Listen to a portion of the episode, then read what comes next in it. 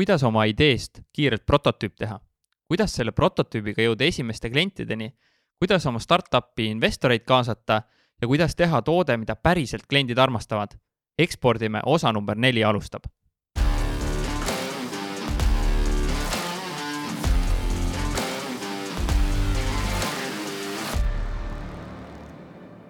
Täna on külas mees, kes on oma elu jooksul algatanud palju erinevaid ettevõtmisi, nagu näiteks JobKitten ja sotsiaalmeediaagentuur Vurr. ta on tõeline ettevõtlushing. sellele ettevõtlushingele vihjab ka tema laenuäri, mis võimaldas minul ja Henril võtta Viru Mäkis aastal kaks tuhat üheksa laenu Helmeste ja Pärlite ostmiseks Indiast kahekümne protsendise intressiga. arvestades meie tausta ja kogenematust, siis see kakskümmend protsenti oli isegi üsna hell intress tagantjärgi vaadates, aga ta püüdis oma riski maandada kui lepingusse sai väikeses kirjas alla lisatud, et Henri ja Timo annavad igavesti oma tuludest viis protsenti talle. aga õnneks olid Henri silmad sama teravad nagu selle mehe plaanid. tema on üks nendest, kellega ma reaalselt tunnen, et liiga vähe on alati aega koos veedetud ja asju arutatud. huumor, väga terav ja tarkus käsikäes on alati idekas kombo täna keerleb ta elu täistuuridel koos kassiga Klaus, mis on kaasanud Spotify investoritelt üks koma seitse miljonit raha ning saanud enda klientideks ettevõtteid nagu näiteks Figma, Doodle, Wistia, SoundCloud, Pandadoc, Automatic.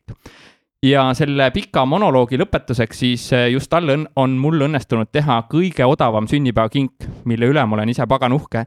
mis see on, seda saab ta öelda ise või siis seda elu lõpuni varjata. tere tulemast Ekspordime podcasti, Kair Käsper tere, tänud kutsumast. ma arvan, et selle sünnipäevaõnnitluse lingi ma võin hiljem panna siis kuhu iganes see podcast üles läheb, et sinna alla. tahad sa selle sissejuhatuse osas täpsustada, midagi parandada, panin ma mööda kuskil? Äh, kõik, kõik, kõik nagu siuksed äh, väga positiivsed asjad olid pannud sinna, ma olen isegi natuke üllatunud nagu ma ei, isegi ei tea jah, mida su kohta negatiivset rääkida, ma tõesti, ma ütlen, me oleme liiga vähe koos aega veetnud nii, aga, aga täna tahaks rääkida Klausist. räägi, kuidas teil nägi see ettevalmistuse periood välja, kui teil tekkis idee, et võiks üldse siis järjekordset ettevõtmist teha ja mis, mis samme te reaalselt siis astuma hakkasite mm? -hmm. ja sa võid rääkida ka, mis see Klaus on lühidalt mm. -hmm. Klaus on selline väga seksikas ettevõtmine. Äh, me tegeleme klienditeeninduse kvaliteedi kontrolli tarkvaraga tundub päris kuiv. see on, ei, see on seksikas. okei okay. Äh, ja me hakkasime sellega tegelema tegelikult juba siis, kui me mm, olime mina ja minu kaasasutaja Martin siis. ja tegelikult on veel kolmas kaasasutaja Egon, kellest võib-olla tuleb ka siin olenevalt sellest, mis, mis küsimused siit äh, tulema hakkavad, aga võib-olla tuleb, tuleb sellest ka natuke juttu, aga alguses see idee tekkis meil koos Martiniga tegelikult siis, kui me mõlemad töötasime Pipedrive'is ja mina olin Pipedrive'i tooteturundusjuht ja Martin oli siis klienditoe juht. ja juhtus selline nagu, me tegelikult noh, et minu enda taust on ju ka see, et ma olen tegelikult te tegelenud ettevõtlusega.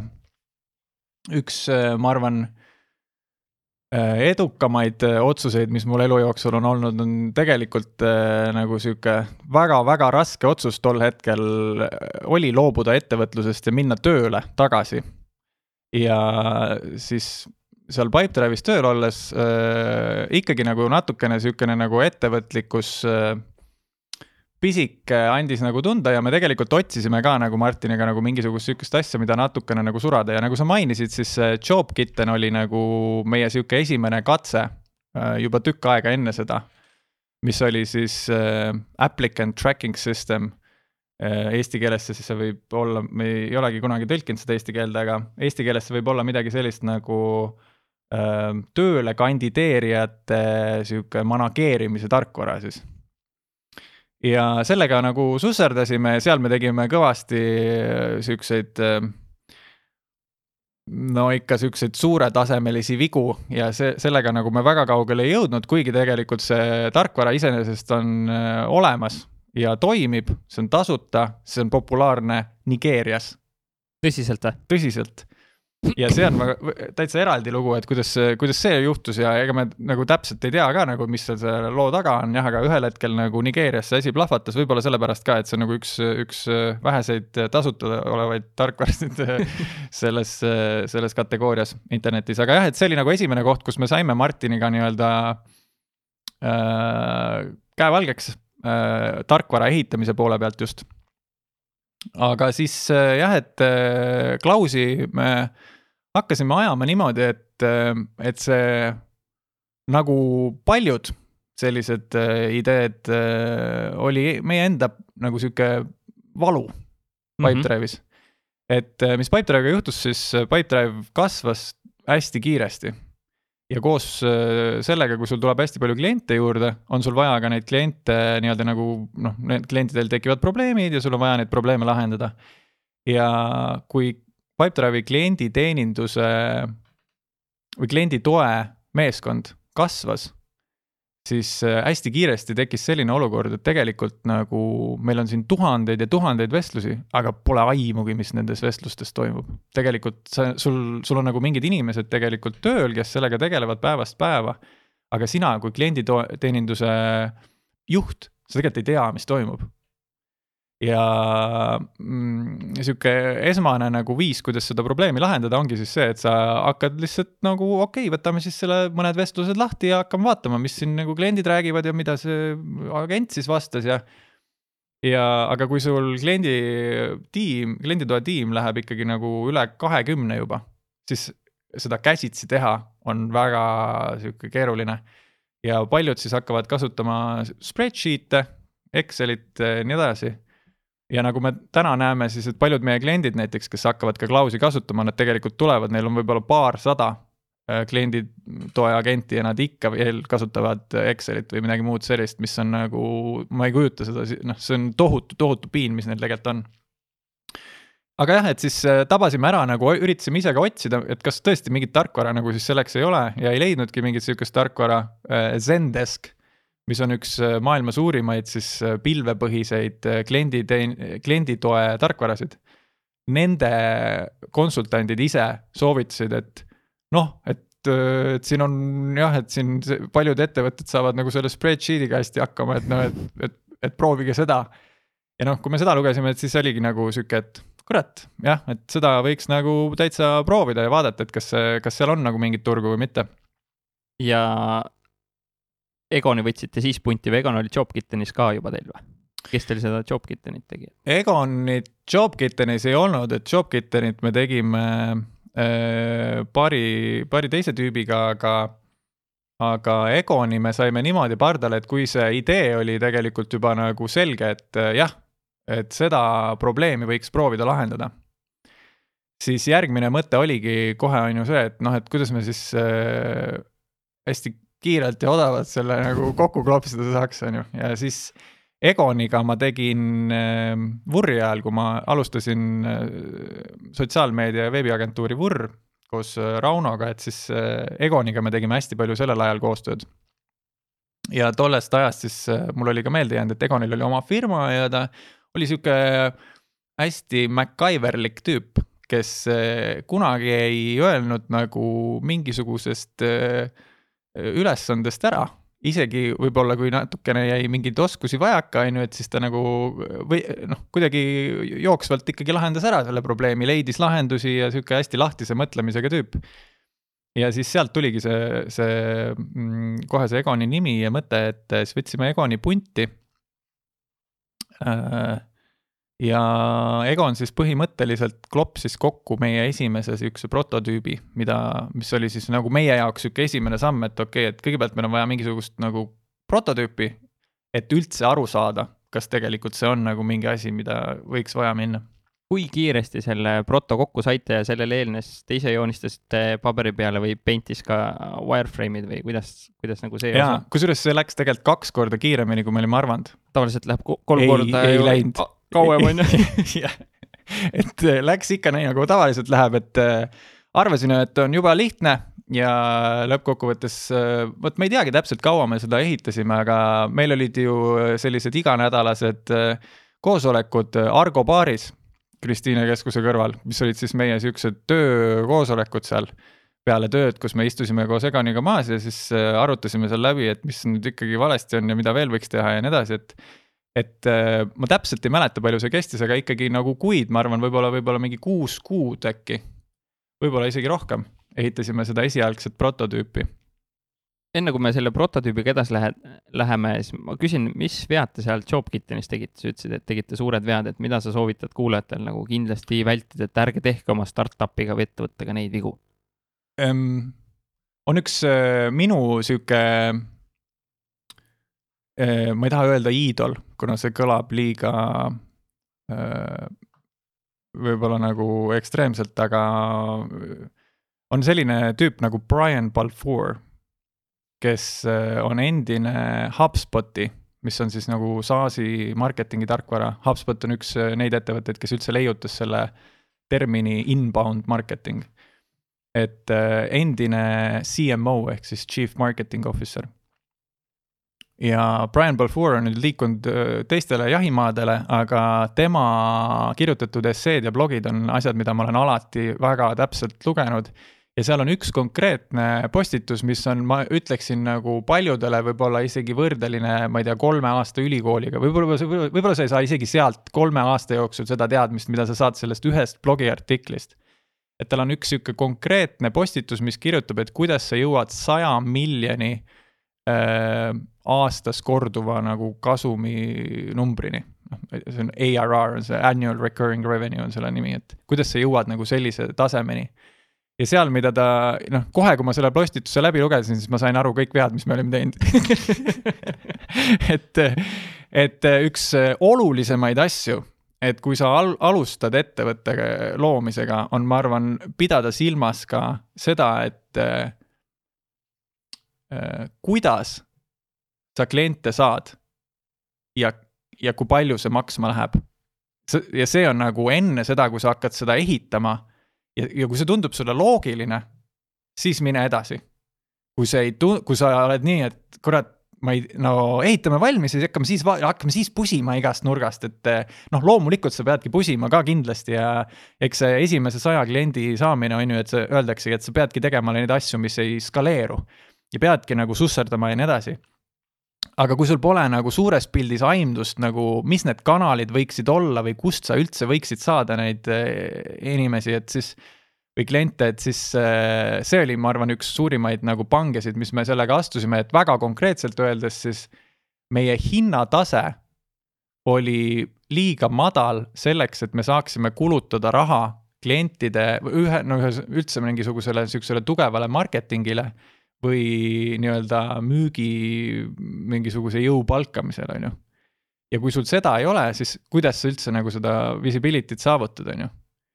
ja see oli nagu sihuke ämber, kuhu me kohe alguses astusime, jah mis teil Klausiga seesama plaan oli, et numbrid paberil, et mis hinnaga neid kliente hankida või kuidas te selle siis nüüd läbi mõtlesite seekord? no Klausiga on selles mõttes äh, paremini lugu, et äh, Klaus äh, töötab koos sinu olemasoleva klienditoe tarkvaraga ja paljudel nendest tarkvaradest on olemas nii-öelda marketplace'id, kus on siis võimalik äh, ennast äh, püsti panna ja sealtkaudu inimesed ka leiavad siis. et äh, see on praegu ka üks meie neid kanaleid, kuskohast me kliente saame, see ei ole, nüüd on selle osatähtsus nagu kõvasti vähenenud, sest me ka ikkagi on kõvasti susserdasime ja üritasime leida ikkagi nagu, mis veel, kuskohast veel saaks, mis töötab, mis ei tööta ja nii edasi, on ju, et sa tahad ikkagi maksimaalset kasvu saada. aga, aga jah, et äh, seal oli nagu kohe teada, et, et kui me paneme ennast nendesse marketplace idesse, siis peaks nagu justkui inimesed leidma meid ülesse. ja, ja seal, selle peale me nagu natukene ka lootsime ja jah, teine nagu sihuke kanal äh, olid siuksed kommuunid või leida üles inimesed, kes selles valdkonnas nagu tegutsevad. Facebooki kommuunid, LinkedIn kommuunid mm,? Jälle klienditoega on selles mõttes nagu päris hästi läks kohe alguses, et äh, on olemas selline klienditoe professionaalide kommuun nagu support driven. see on, tol hetkel muidugi ta oli väiksem, tal, seal oli võib-olla mingi, see on üks Slacki grupp, äh, kaks tuhat, kolm tuhat inimest tol hetkel võib-olla oli. ja nad korraldavad äh, regulaarselt üritusi, tol ajal oli vist kaks üritust aastas. ja nüüd tänaseks, tänas, noh, tänases päevakirjades neid ei korralda mingeid üritusi aga, aga natukene enne, noh, ütleme, et kui me võtame siin nagu mingi eelmise aasta lõppu, siis tegelikult nad plaanisid see aasta teha viis üritust. Neil on Slackis vist kuus-seitse tuhat inimest. kõik on klienditoe siuksed edumeelsed tegutsejad. et siis nendega koostöö tegemine äh, support driven'iga üleüldiselt. Nendel kõikidel üritustel käimine, seal nagu presenteerimine nii palju kui võimalik mm, ja nagu seal Slacki grupis olla aktiivne, et see oli nagu sihuke strateegia, mis meil oli ja see on ka väga edukalt meile kätte mänginud.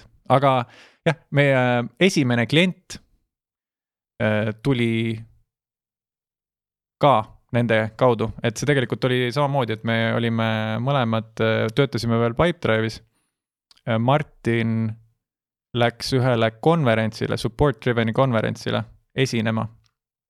ja seal lõpus siis nagu nii-öelda jutu sees mainis, et me teeme ühte sihukest väikest asja ka. ja peale siis seda esinemist tuli üks inimene rääkima meiega, kes on tänaseks meie tootejuht see on veel eraldi lugu, aga, aga tuli inimene meiega rääkima ja tuli välja siis, et ta töötas Automaticus, mis on Wordpressi nii-öelda siis noh, ehitaja. ja, ja tundis selle asja vastu nii suurt huvi, et äh, tuligi välja lõpuks, et nemad ongi, noh, nemad olidki meie esimeseks kliendiks.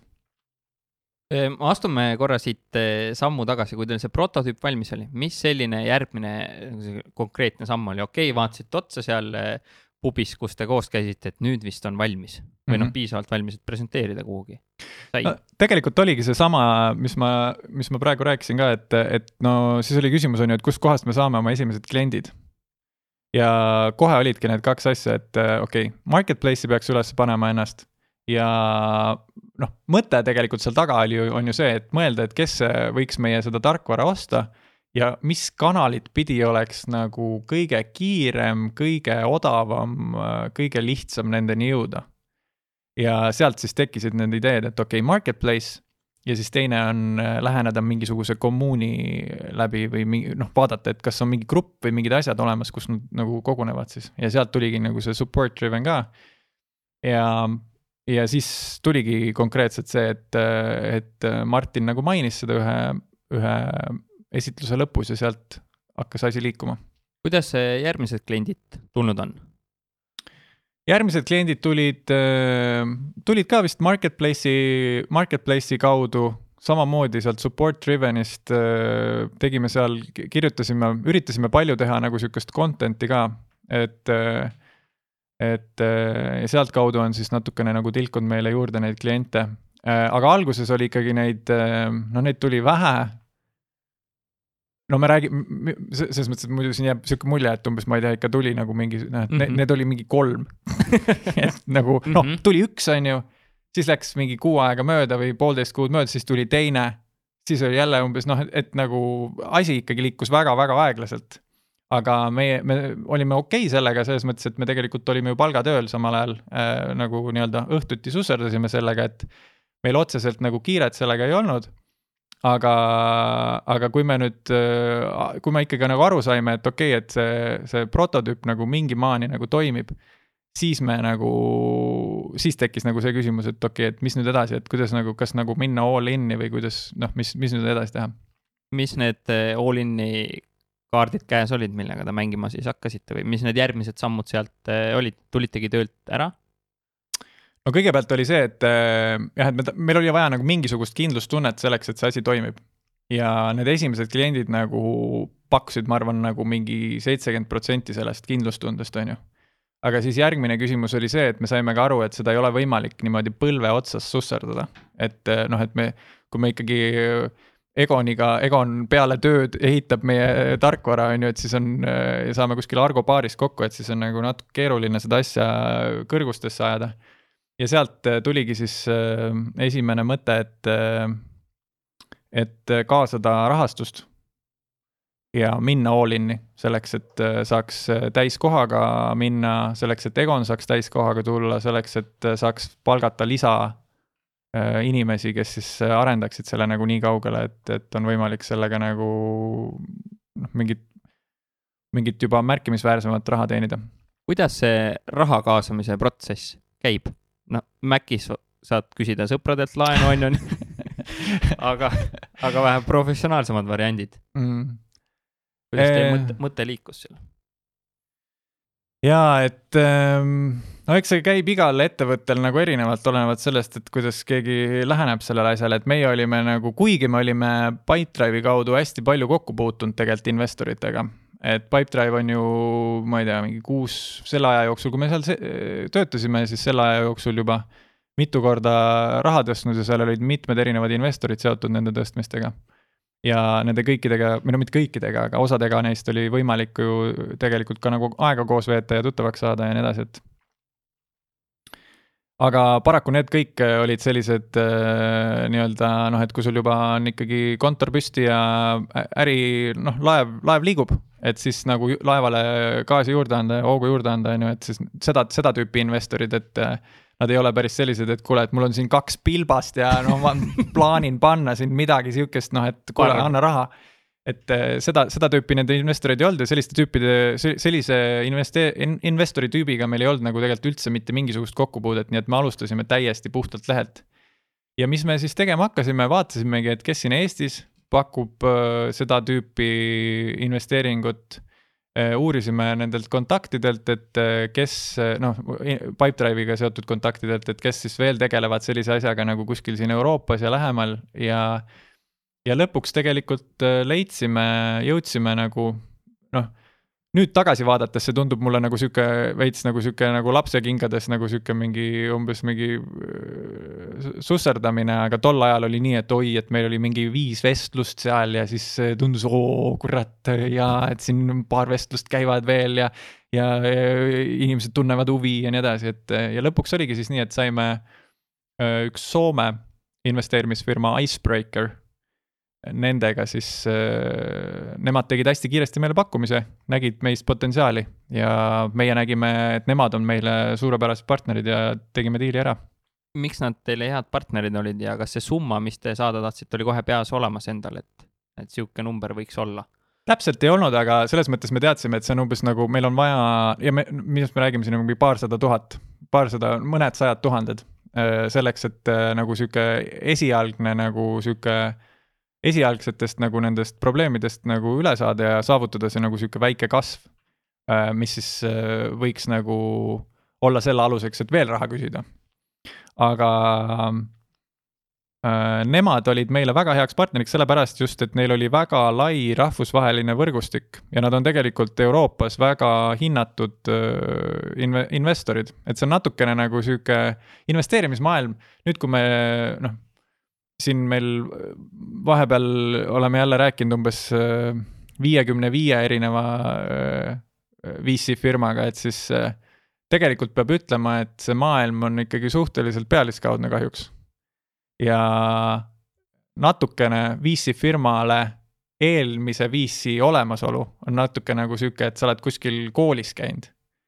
ja kui sa oled noh, et siis on erinevad nagu koolitüübid, on ju, et noh, et sa vaatad ka, et keegi on Harvardis käinud, on ju ja keegi on kuskil noh, võib-olla kuskil väiksemas tundmatus koolis käinud, on ju, et siis nagu justkui vaatad, oo, et see Harvardi tüüp on kindlasti nagu natukene käib nagu selline mõtlemine seal, seal maailmas ka, mis iseenesest ei pruugi tähendada midagi tegelikult, on ju, samamoodi nagu ülikooliga see ei pruugi midagi tähendada.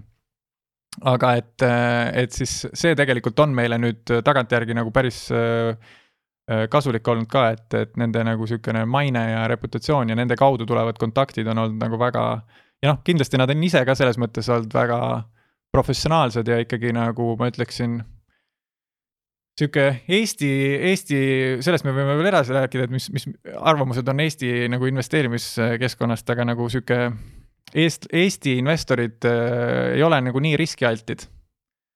Nad rohkem võib-olla investeerivad siis, kui sa, kui nad nagu näevad ikkagi ka, et nende raha ei, tõenäoliselt ei põle, on ju, et äh, rahvusvahelistel suurematel nagu fondidel on võib-olla natuke rohkem seda, et nad vaatavad visiooni ja vaatavad, et kuhu kõrgustesse see võib lennata. et siis Eestis on pigem nagu see, et, et kurat, ma ei taha vastu pükse saada, et isegi kui see kasv nagu on natuke väiksem, on ju. aga esimesed sajad tuhanded läksid millesse?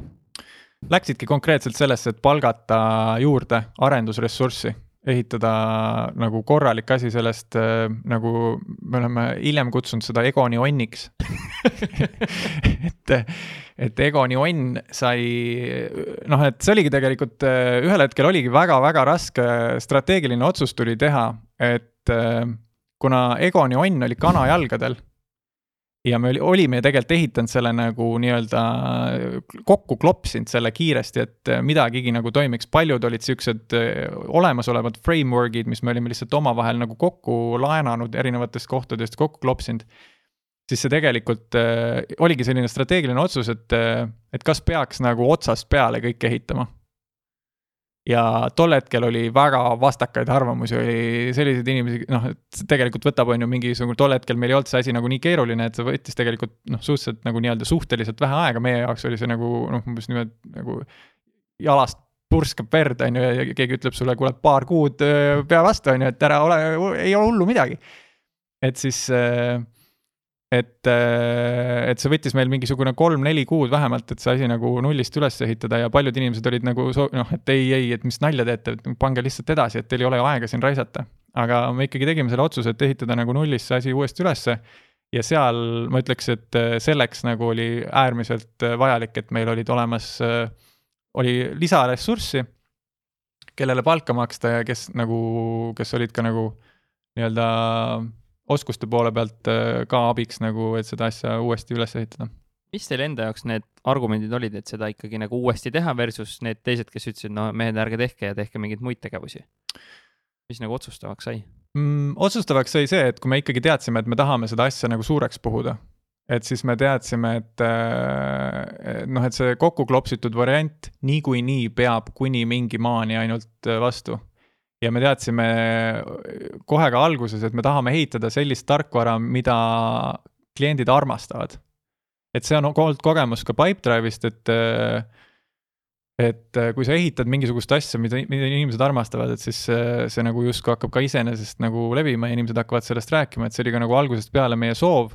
ja me teadsime, et kui me seda kokku klopsitud varianti nagu edasi püsime, et siis me nagu võib-olla saavutame nagu lühiajaliselt kiirema kasvu aga pikaajaliselt me ohverdame nagu selle, et inimesed, noh, kliendid hakkavad äh, äh, vinguma, tekivad probleemid, põhi-, põhjendatult hakkavad vinguma, et tekivadki probleemid ja me tegelikult ei suuda neid lahendada, sellepärast et lihtsalt kogu see, see niisugune nagu põhi, millele on ehitatud, on habras. kuidas sellist toodet üldse teha, mida kliendid armastavad, kui tihti te panete mingi uue versiooni nende ette, kuidas te küsite tagasisidet, et kuidas selle loomine käib, et see ei ole nii, et me seal Argo baaris mõtlesime ise niisuguse toote välja, mida kõik kliendid armastavad? jaa, see käib, see on nagu sihuke klišee ja sihuke, kõik tegelikult teavad nii-öelda seda, aga räägi kliendiga. ja ongi nii lihtne kuidas kliendiga rääkimine reaalselt käib, kas on kokkusaamine, mida sa küsid? Et äh, meie puhul see käis hästi, noh, siiamaani tegelikult meil on väga-väga, noh, meil on osad kliendid on Slackis, äh, kellega tootejuht otse räägib, tootejuht teeb nendega kõnesid, kui mingi uus asi tekib, siis äh, kõigepealt me näitame seda neile, vaatame, mis nad sellest arvavad. võib-olla kui mõni idee tekib, siis me teeme kõigepealt intervjuusid üldse, küsime, kas sihuke asi on teie jaoks probleem ja nii edasi ja selles mõttes tasub hästi-hästi palju panustada sellesse, et mitte olla nii-öelda, ma ei tea, sihuke järjekordne teenusepakkuja, vaid lihtsalt ikka ehitadagi nagu oma esimeste klientidega nagu reaalset sõprussuhet. sest et sul on seda tagasisidet kogu aeg vaja ja kui sa oled ehitanud sihukese suhte, kus umbes keegi, noh, et üks on ostja, teine on müüja, siis on väga nagu sul tekib ka endal see plokk, et sa nagu ei taha seda klienti nagu noh, et juba viies kord lähen küsima mingisugust asja, on ju, et nagu kurat, no ma ei tea, et varsti nad nagu lähevad närvi ja ütlevad nagu kuule, jäta mind rahule, on ju aga kui sa lood sihukese sõprussuhte, äh, selgitad nagu ära, et mis selle, mis selle asja nagu noh, et ongi, et kuulge, et me oleme siin nagu ehitame seda asja ja me oleme siin sihukesel teekonnal ja vaata, et sa tead nagu, mis meie taust on ja nii edasi, et. et siis sealt on kuidagi nagu lihtsam seda asja teha ja neil endal tegelikult tekib ka nagu huvi selle vastu, et kuidas läheb ja nii edasi, et sealtkaudu tegelikult ju tekkis ka see, et Valentina, kes oli siis meie esimene klient, tegelikult äh, temaga me ehitasime sellist suhet, meil oli väga-väga nagu kuni selle hetkeni siis, et ühel hetkel ütles, et kuule, et äkki on mingi variant äh, teie poole üle tulla. ja noh, meie, meie jaoks oli, kuna me olime temaga seda suhet loonud, on ju, me teadsime, mis tasemel ta nagu opereerib, siis meie jaoks oli nagu suurepärane, et, et sihuke võimalus tekkis. Kuidas sa sellist äh, sõprussuhet lood, sina tahad saada temalt kätte informatsiooni, aga mis see tema vinn seal on või kuidas ta teda nagu aitate kogu selle protsessis? jaa, see, ma arvan, jälle nagu klienditoe mõttes on see selles mõttes äh, natukene lihtsam kui võib-olla mõnes teises valdkonnas, et äh, klienditoe, äh, kliendi tugi on nagu sihukeses tarkvaramaailmas natukene nagu sihuke sihukene osakond, mida sageli kuhugi lükatakse kuhugi vaiba alla ja umbes, et keegi nagu ei väärtusta, noh, osad ettevõtted ei väärtusta piisavalt ja nii edasi, et et siis võib-olla seal on lihtsalt see mängib ka natuke rolli, et et need inimesed ise on rohkem sotsiaalsed, kuna sa töötad kliendi toes, on ju, noh, eos juba sa ei saa olla nagu väga ekstra või noh, introvertne inimene või sihuke nagu noh, kuigi, kuigi on ka selliseid, et aga pigem oled selline suhtleja tüüpi ja pigem sa ei ole, noh, sa ei ole siukse nagu nii-öelda turm tule all, et keegi ei ürita sulle müüa kogu aeg midagi ja nagu keegi ei küsi kogu aeg mingi sa-, nagu mingi varjatud agendaga su käest mingisuguseid küsimusi ja nii edasi, et et siis, kui me lähenesime nagu oma selle värgiga, seletasime oma tausta ja paljud inimesed, kellega me nagu lõppkokkuvõttes, kes meie kliendiks tulid, et nad nägid ka, kuidas me esinesime mingisugustel üritustel, meil olidki päriselt nagu ühised jututeemad nendega nagu hoopis muudel teemadel ka, et see, see on, ma arvan, ka just oluline, et sul ongi nagu mingi muu ühisosa peale selle, peale selle klausi või peale selle tarkvara, mida sa ehitad. Egoni onn oli lammutatud, uus maja oli ehitatud, mis sealt järgmised sammud olid, mis te tegema hakkasite? Ja no siis oli päris karm periood selline, kus, kus me nagu nii-öelda lansseerisime selle äh, uue versiooni ja asjad, mille peale me panustasime, olid ikkagi see marketplace, millest ma rääkisin. Äh, olime väga aktiivsed support driven'is, osalesime nendel üritustel, tegime content'i, siis kohe algusest peale samamoodi nagu Pipedrive'is, siis see inbound inbound'i ülesehitamine oli meil nagu sihuke suur strateegiline eesmärk, mida mina olin ka näinud, kuidas väga efektiivselt äh, tehti Pipedrive'is. siis seda me hakkasime kohe alguses ehitama, me hakkasime mingite seo märksõnade peale content'i loo-, looma äh, me hakkasime looma sellist content'i, mida oleks võimalik jagada, mida inimesed jagaksid edasi ja nii edasi, et hakkasime seda tootma. ja siis oligi natukene nagu sihuke hetk, et noh, pöidlad pihus, on ju, uus versioon on väljas, noh, vaatame nüüd, mis saab. ja tuli, hakkas tulema huvilisi, alguses mitte nii palju, aga järjest nagu rohkem hakkas tulema ja, ja siiamaani oleme kõiki neid asju paremaks teinud ja, ja ja nüüd on meil nagu suurem, noh, tänaseks meid on üle kahekümne, et siis on nagu suurem grupp inimesi, kes seal, seal taga tegutseb aga jah, et äh, need alguses natuke oli sihuke, et, äh, et pidid nagu silmad kinni panema ja sisse hüppama ja vaatama, et lootma, et no nüüd tuleb.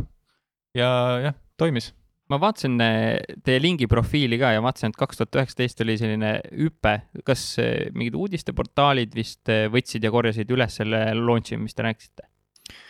Jaa, kuigi sellega on ka niimoodi, et eks sa pead ise seda kurku toppima neile, et, et jah, et tol hetkel, kui me, ma arvan, et see suur hüpe tekkis võib-olla isegi sellega, kui me tõstsime raha.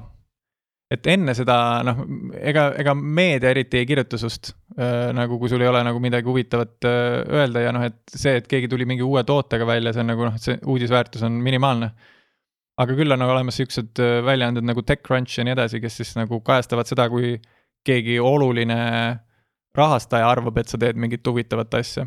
et siis see on nagu jälle nagu samamoodi natukene, et, et kui sihuke Harvardi tüüpi VC on ühe, otsustanud, et jah, me paneme oma raha siia, anname oma heakskiidu nii-öelda sellele ettevõttele, et siis justkui see nagu see väljaanne, näiteks TechCrunch või, või, või EU Startups või kes iganes siin neid kajastab, et siis nemad vaatavad ka, et ju siis on midagi head kuidas teil see hea sisuloome protsess käib? kõigepealt märksõnad, millele tahaks ränkida mm, -hmm. mis sealt edasi või kas üldse algab niimoodi?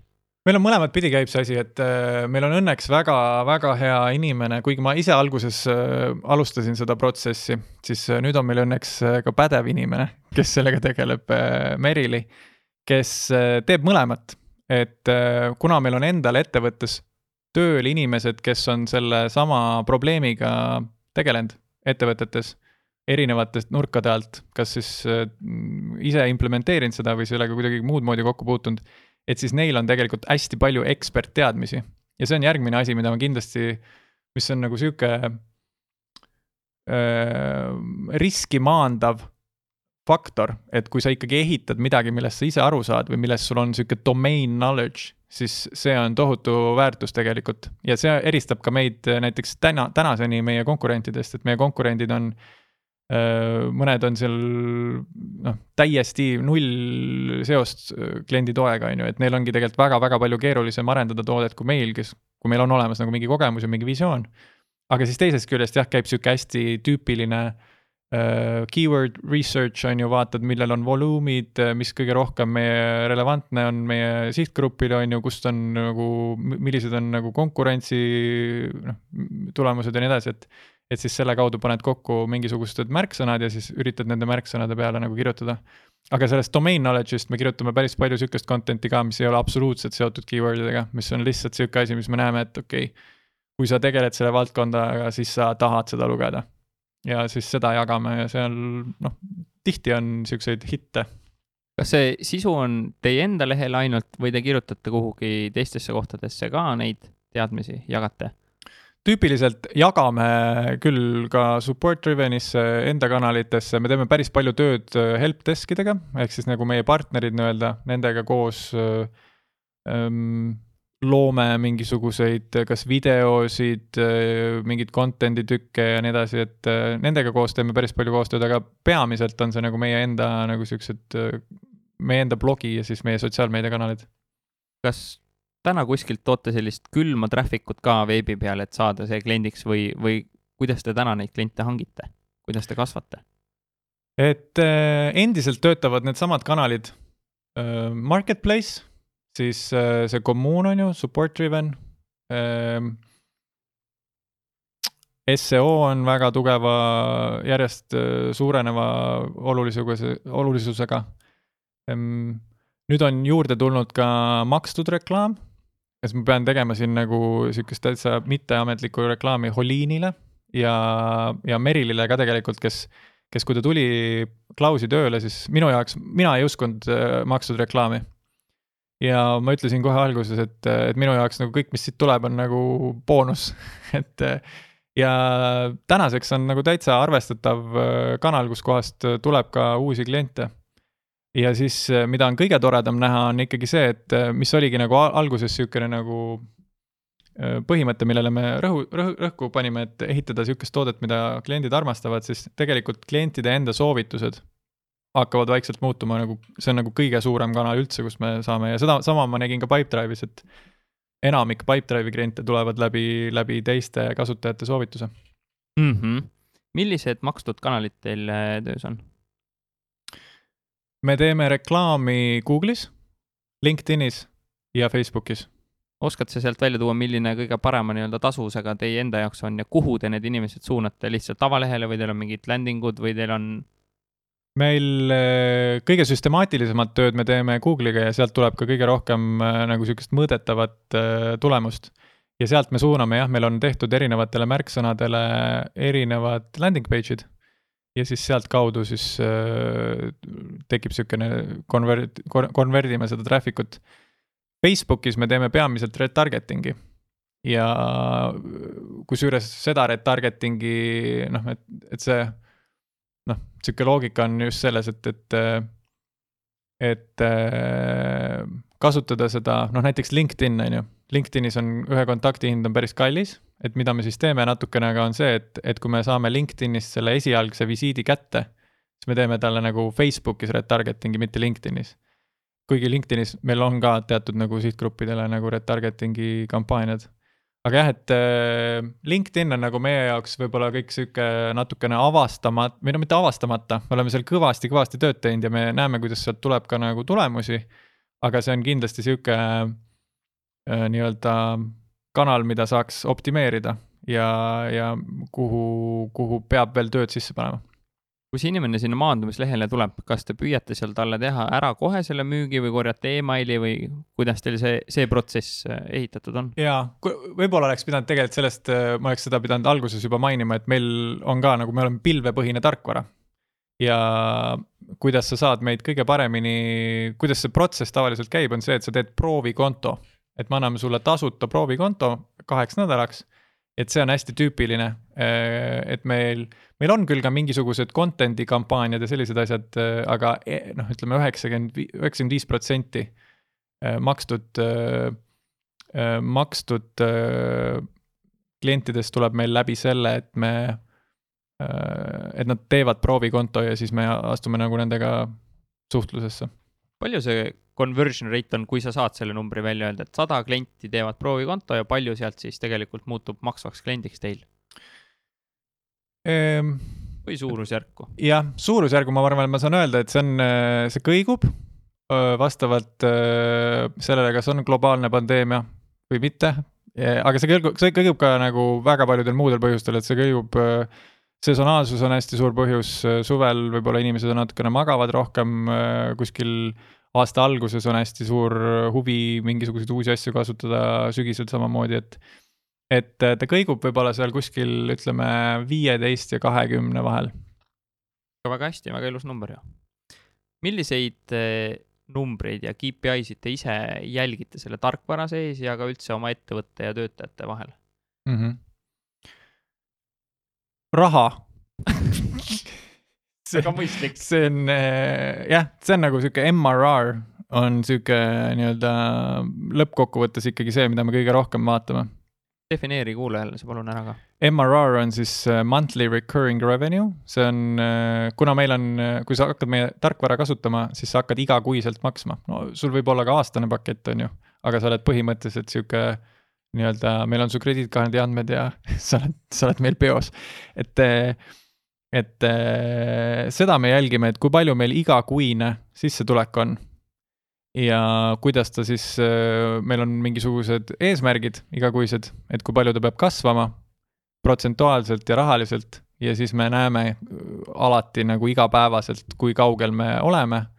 ja, ja, ja see on nagu asi, mida me nagu, mida terve ettevõte kogu aeg jälgib um,. aga siis mõned muud asjad, mida, mis, mis on nagu meile endale nagu siuksed nagu nii-öelda abistavad meetrikad, mis viivad lõpuks selle rahanumbrini, on ju, on lihtsalt klientide arv. kui palju tehakse mm, review sid, ehk siis see on see tüüpiline asi, mida sa teed üldse Klausis, et sa vaatad läbi seda vestlust äh, ja annad tagasisidet ja läbi selle siis see klienditoe nagu kvaliteet paraneb. et, äh, et kui palju neid review sid tehakse ja siis ähm, aeg-ajalt me vaatame ka seda nii-öelda conversion'i funnel'it, et äh, otsast lõpuni, et mis seal, mis seal need nagu numbrid on ja kus kohas oleks võimalik siis veel parandada seda äh, tulemust. Business gurud räägivad igas raamatus, et sa peaksid mõõtma kliendi elu ja väärtust, lifetime value't. Te seda ka jälgite, kuidas seda jälgida, eriti startup'i puhul, ma ei tea, kaua need kliendid minuga on või kuidas te selle enda jaoks olete ära lahendanud või või no hästi. Ehm, me tegime hästi teadusliku pakkumise alguses, et see on kolmkümmend kuud. ja nii käiski. ja siiamaani ei oska öelda, sest et äh, me oleme nii-öelda sellest hetkest, kui me tulime välja oma uue tootega või noh, et kui me ehitasime nagu panime Egoni onni kappi ja tulime uue korraliku asjaga välja, sellest ajast on olnud praeguseks poolteist aastat ja me teame, et millest allapoole see kliendi lifetime value nii-öelda ei ole, sest sa pead seal jälgima, on ju, kui kaua keegi, sa noh, sa pead enam-vähem aimama, kui kaua keegi kliendiks äh, on. et siis äh, ja kui sa, kui sul on vähe kliente ja sa hakkad seda nagu selle protsendi pealt arvutama, mis iga kuu ära läheb, siis sul võib noh, alguses sul on neli klienti, üks läheb ära, on ju, siis sul on mingi lifetime value mingi, paneme pillid kotti, on ju, et et, et see, seda nagu väga tõepõhja nagu võtta ei saa, et et praegu jah, me oleme nagu, nüüd me hakkame jõudma sinna territooriumisse, kus meil on võimalik hakata seda nagu välja kalkuleerima selle põhjal, et mida me oleme näinud ja, ja kuhu me nagu ka liigume, et aga jah, et meil niisugune nagu umbkaudne arusaam sellest kliendi lifetime value'st on, on või noh, mitte umbkaudne, aga niisugune nagu nii-öelda parim, parim pakkumine on nagu olemas kogu aeg kuulates, kuidas te oma klientidega suhtlete ja toodet arendate, mis saab nendest klientidest, kes ära lähevad, mis te nendega teete äh,? Neile Heli, helistate neile, räägite nendega, intervjuud või on see, et noh, läksid, läksid? no kõigepealt on loomulikult see, et me saadame neile palju ähvarduskirju ja lõpuks ukse taha mm,. mõistlik. aga äh, ei, reaalsuses on ikkagi see, et keegi noh, et me suhtume ikkagi igasse klienti nagu noh, selliselt, et, et, et igalt kliendilt on midagi õppida, on ju, on mingi põhjus, miks nad ära läksid. et äh, vahest see põhjus ei ole üldse meiega seotud kui ta on meiega seotud, siis tegelikult see on just nagu parim koht meile, kust äh, nagu aru saada, et mida me teistmoodi saaksime teha, et tulevikus sarnased kliendid ära ei läheks. ja, ja väga tihti on ka sihuke variant võimalik, et nad tulevad veel tagasi. on ka paar korda olnud, kus äh, lihtsalt on mingisuguste reeglite tõttu olnud nagu sihuke asi, et näiteks meil ei ole mingit turvalisuse sertifikaati, et siis klient peab ära minema ja on niimoodi, et nagu nii, kui te saate selle, siis ma tulen tagasi. aga noh, seda sa saadki siis alles teada, kui sa tegelikult temaga nagu mingisuguses kontaktis oled, on ju, et kas on, on juba mingisugune vestlus temaga pooleli või siis, või siis, või siis sa küsid seda siis, kui ta on juba ära läinud. kuidas teil tiimiga on, kas te istute kõik Tallinnas kuskil kontoris või te olete üle ilma laiali ja kui üle ilma, siis kuidas te juhite ja haldate ja? Ja meil on niimoodi, et me oleme algusest peale ehitanud eh, remote ettevõtet, et meil on kakskümmend inimest ja kehtib sisuliselt selline reegel, et sa võid töötada ükskõik kuskohast ja ikkagi on läinud nii, et enamik inimesi on Eestis, ütleme, ma ei teagi, siin ma ei teagi, kaksteist, kolmteist inimest on Eestis. Ja, ja kolm inimest on Portugalis, üks inimene on Gruusias, meie tootejuht ise näiteks on Barcelonas. Äh, ja inimesed, keda me nüüd edaspidi palkame ka, siis kehtib täpselt sama loogika, et äh, kust iganes me saame parima, parima inimese, et seda me tegime täitsa teadlikult kohe algusest peale, sellepärast et et äh, me saime, noh, Pipedrive'i kogemus näitas ka sedasama, et kui sa ikkagi oma ala tippudega tahad ehitada asja, et siis väga keeruline on Eestist leida kõikidele valdkondadele neid tippusid ja nendega suhtlus, eh, teete iganädalasi koosolekuid või kuidas te sellist nii-öelda ühtset kommuuni välja hoiate? ja meie kasuks eh, õnneks on see, et, eh, et Valentina, kes tuleb siis Automaticust, Automatic WordPressi tootja, neil on, ma ei mäletagi, kas tuhat viissada inimest või umbes niimoodi, tuhat viissada inimest, kes on kõik remote. ehk siis temal, ta on kirjutanud ka raamatu sellest, kuidas remote tiimi juhtida ehk siis tema on olnud meil nii-öelda niisugune nagu selle lipukandja ja implementeerinud väga-väga konkreetsed äh, reeglid, kuidas me peame ja kuidas me nagu omavahel nagu suhtleme. et äh, ja see on ka, et paljud tänapäeval räägivad, et kuidas noh, et ma, ma arvan, et me hakkame seda juttu alles kuulma tegelikult äh, nüüd kogu selle koroonaviirusega seoses, et et kuidas osad hakkavad rääkima, et oi kurat, see nagu proovisime seda kaugtööd, aga kurat, see ei toiminud ja siis äh, teised räägivad, et oo, nii hästi toimis ja, ja võib-olla need ettevõtted tegelikult ei olegi nagu nii erinevad. et siis see vahe, ma arvan, tuleneb sellest ka, et, äh, et, et ilmselt on ikkagi päris kohutav töötada ettevõttes, mis on remote ja kus ei ole nagu mingit väga tugevat äh, nagu leadership'i selle remote'i osas, et kus on lihtsalt pilla-palla need asjad, et üks nagu kõige rohkem asi, mis ajab mind närvi, on see, et kui on vaja mingit tõsist või nagu mingit olulist kõnet pidada ja lihtsalt interneti connection ei, noh, ei, lihtsalt ei toimi. ja teine pool pole nagu arvestanud üldse sellega. et äh, meil on, äh, ongi nagu mõned sellised asjad, et äh, isegi siis, kui noh, lõppkokkuvõttes on niimoodi, et näiteks meil on ettevõttes sihuke koosolek, kus ma ei tea, näiteks osaleb viisteist inimest, isegi kui neliteist inimest neist on ühes ruumis, siis kõik inimesed liituvad oma kõrvaklappide, oma mikrofoni ja oma arvutist selleks lihtsalt, et, et see üks inimene nagu kuuleks nagu võimalikult hästi, mis, mida nagu kõik inimesed eraldi nagu arvavad asjast. et äh, mingisugused reeglid on paigas jah, meil on äh, iganädalased koosolekud, meil on eraldi remote'i teemaline koosolek. me pakume nagu teatud summas nagu sihukest äh, Äh, kompensatsiooni, et sa saaksid tekitada endale niisuguse hea remote'i sõbraliku nagu setting'u kas kodus või kus iganes. Äh, need inimesed, kes töötavad välismaalt, neil on äh, võimalik kuskil co-working space'is töötada. kõigil on oma, jah, nagu ma ütlesin, oma headset'id mikro, mikriga, kõik, kõik peavad nagu osalema sellisest kohast, kus nad on kindlad, et internetiühendus toimib korralikult. noh, ja noh, lõpuni nagu tehnika ja kõik sihuke asi, värk, et peaks toimima sul hästi ja noh, muidu sihuke Zoom ja Zoom ja Notion on kaks asja, et äh, hästi oluline on see, et asjad läheksid kirja. ja Slack ka on ju, et äh, ettevõtte kontekstis just. Slack, Notion on siis see koht, kuhu me paneme nagu asju pikemalt kirja. see on sihuke nagu ettevõtte wiki ja, ja Zoomiga kõnesid. ja sa mainisid, et teil on väga kindlad reeglid kehtestatud suhtlemisel, saad sa mõned näiteks välja tuua? Äh, no meil on sellised äh, asjad, mis lihtsalt lihtsustavad hästi palju seda, seda, seda suhtlust, et äh, näiteks Slackis on kõigil staatused. ja siis sa peadki nagu seal nagu ikkagi jälgima, et mis staatust sa kuhu paned, et inimesed teaksid, mis sinuga nagu toimib toimub ja, ja samamoodi, kui sa küsid inimestelt midagi, siis sa saad panna sinna juurde noh, L1, L2, L3, et kui oluline see teema sulle on, et kas sa tahad kohe vastust saada või tahad nagu hiljem. et seda nagu sageli ei rakendata, aga näiteks kui sa tead, et sul on mingisugune teema, mida sa tõstatad ja sul ei ole tegelikult sellele nagu kohe vastust vaja saada, siis sa paned sinna näiteks L3 et siis see teine inimene lihtsalt teab, et ta nagu ei pea nagu kohe hakkama sinuga nagu noh, kohe sulle vastama, on ju, et see teeb lihtsalt seda kommunikatsiooni lihtsamaks ja siis äh, jah, et mis meil veel on, et äh, kindlasti on nagu see, et, et et äh, pane nii palju nagu paberile, kui, kui noh, et mingid, noh, mingid koosolekute tulemused ja mingisugused otsused ja, või mis iganes asjad sul on vaja nagu esitleda või, või kellelegi teisele üle anda, et siis võimalikult vähe tekiks nagu seda nii-öelda, et kellegi inimese peas on mingi info kinni, on ju, et, et teistel ei ole võimalik sinna ligi pääseda, kui see on seda tüüpi info, on ju. Mhm. Eh, kas ma saan õigesti aru, et sina vastutad tänasel Klausis kasvu eest?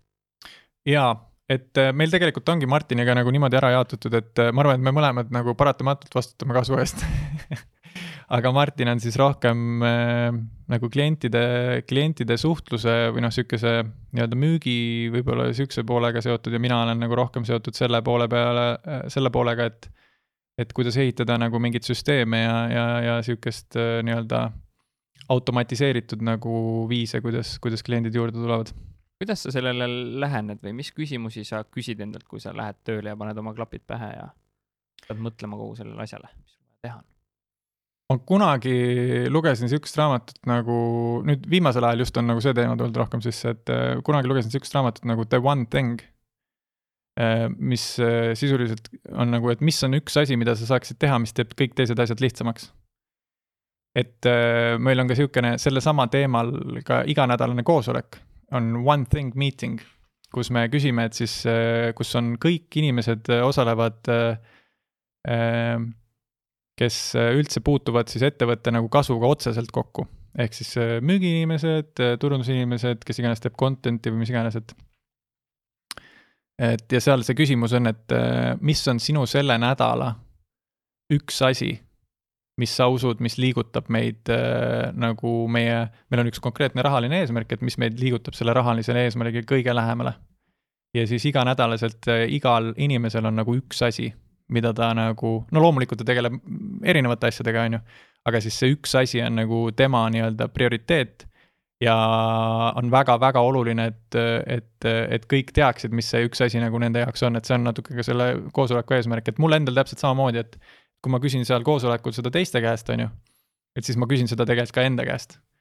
ja, ja jah, ongi selline nii-öelda iganädalane nagu goal setting ja siis, ja siis see aeg-ajalt muutub ja, ja siis mõni nädal on kogu aeg seesama ja. mainisid müügiinimesi, palju teil neid täna on ja mis nende sellised põhilised ülesanded on, noh, sa võid müüa ilmselgelt, aga tegelevad nad liididega, saavad nad kokku inimestega mm? -hmm. see on väga huvitav, kusjuures, et eh, müük, siin on ka jälle nagu mingi sihuke, teen enda nagu sihukest sourcing ut, et et Klausi kliendid praegu ütleme, üheksakümmend üheksa protsenti neist tulevad läbi inbound'i. ehk siis äh, läbi kogu selle asja, mis me oleme ühe, üles ehitanud äh,, kõik see content, marketplace'id, kõik see, mis me rääkisime, on ju, läbi selle tulevad kliendid.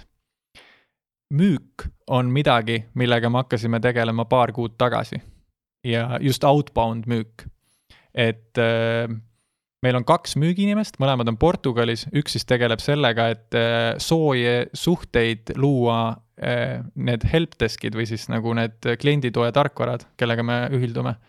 ja, ja et nende nende nii-öelda müügiinimestega, kes siis, kellel juba on kontaktid suurte ettevõtetega, et siis nei-, nendega nagu sidemeid luua ja häid suhteid luua, et siis nende kaudu meil oleks võimalik eh, ligi pääseda nagu suurtele firmadele.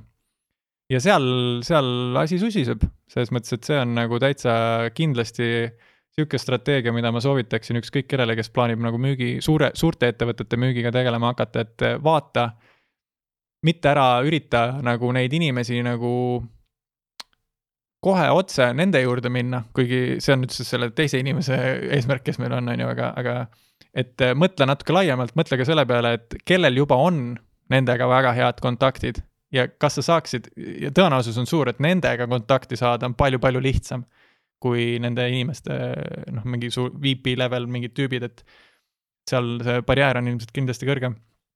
ja siis teine müügiinimene ongi meil, kes, kes nagu rohkem tegeleb selle poolega, et, et välja mõelda, kuidas me saaksime otse nendega kontakti ja noh, olemegi erinevaid asju eksperimenteerinud, aga aga see sihuke outbound müük on tegelikult meie jaoks võib-olla üks kõige suuremaid teemasid, mida me praegu välja arendame ja kus, kus meil on nii-öelda kus on tohutult potentsiaali, mida me ei ole siis veel nagu rakendanud kuidas te lähenete sellele nii-öelda vahemehele, et mis see tema väärtus sellel on, et noh, miks ta teid peaks sealt edasi aitama enda selle kontaktideni, see win-win on see mm? -hmm.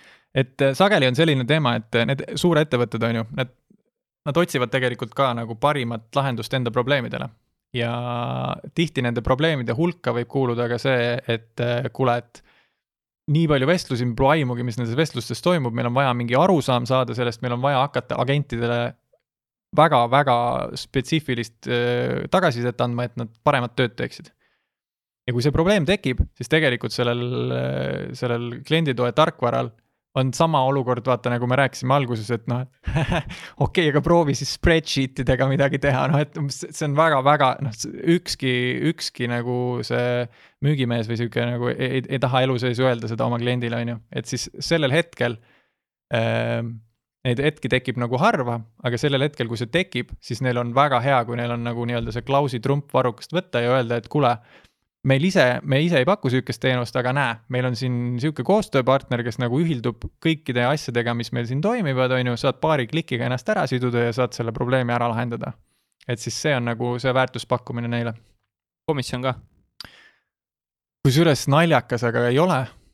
et äh, keelatud, ise tahtsime pakkuda, aga nad ei, ei võta raha, et äh, see on äh, huvitav jah, et et võib, võib-olla mõnedega on see võimalik, aga suurtematega, kellega me oleme rääkinud, siis, siis nad ei, nad ei, nad on otsustanud nagu teadlikult loobuda sellest komisjoni meetodist. ma ei teagi, mis täpselt, mis see põhjus on, et ma võin nagu spekuleerida, et võib-olla see ajab neil liiga keeruliseks selle asja, võib-olla see tekitab mingit valet sorti motivatsiooni, et hakatakse pakkuma mingisuguseid lahendusi, mis on tegelikult nagu halve, halvemad kui, kui need lahendused, mis, mis on nagu, kus sul ei ole seda mudelit käimas, on ju, et aga jah. ütlesid, et te teete Holiiniga on ju neid makstud reklaame, kuidas te valite turgu, kuhu see nüüd äh, Google'i Adsi teravik suunata, kuidas see protsess seal taga käib? seal on muidugi Holiini ise aidanud meid ka kõvasti, et me oleme eksperimenteerinud ja vaadanud lihtsalt, kus nagu kõige paremini toimub, aga alguselt ikkagi see nagu sihuke mõte on olnud nagu sihtida neid ettevõtteid, äh, kus me näeme, et see sissetulek meile ja see rahaline kulutus, mis me teeme nende reklaamide peale võiksid olla nagu omavahel nagu, et see, et see nagu tagasi, et see, mis raha, mis meile tagasi tuleb, on nagu piisavalt kõrge.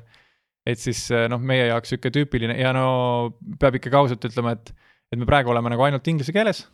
ehk siis äh, äh, väga pole tahtnud nagu kuskile inglisekeelsetest turgudest väljapoole ka minna. et siis äh, inglisekeelsed turud juba lõikavad nagu sul juba teatud nagu kategooria ära, on ju ja siis sealt edasi sealt edasi ongi noh, peadki vaatama, et kas USA või et tahad veel Euroopas teha või vaatad, kas paned Austraaliad või mingid noh, a la mingid Maltad ja mingid siuksed riigid ka sinna juurde, aga et aga et sihuke typical suspect on ikkagi nagu USA ja, ja, ja ja, ja UK ja sellised. kas mul on õigesti meelde jäänud, et Pipedrive'il oli päris suur äh, turg Brasiilias? sul on see täitsa õigesti meelde jäänud. miks te ise näiteks sinna ei vaata, võtate ühe Hispaniooli ja läheb?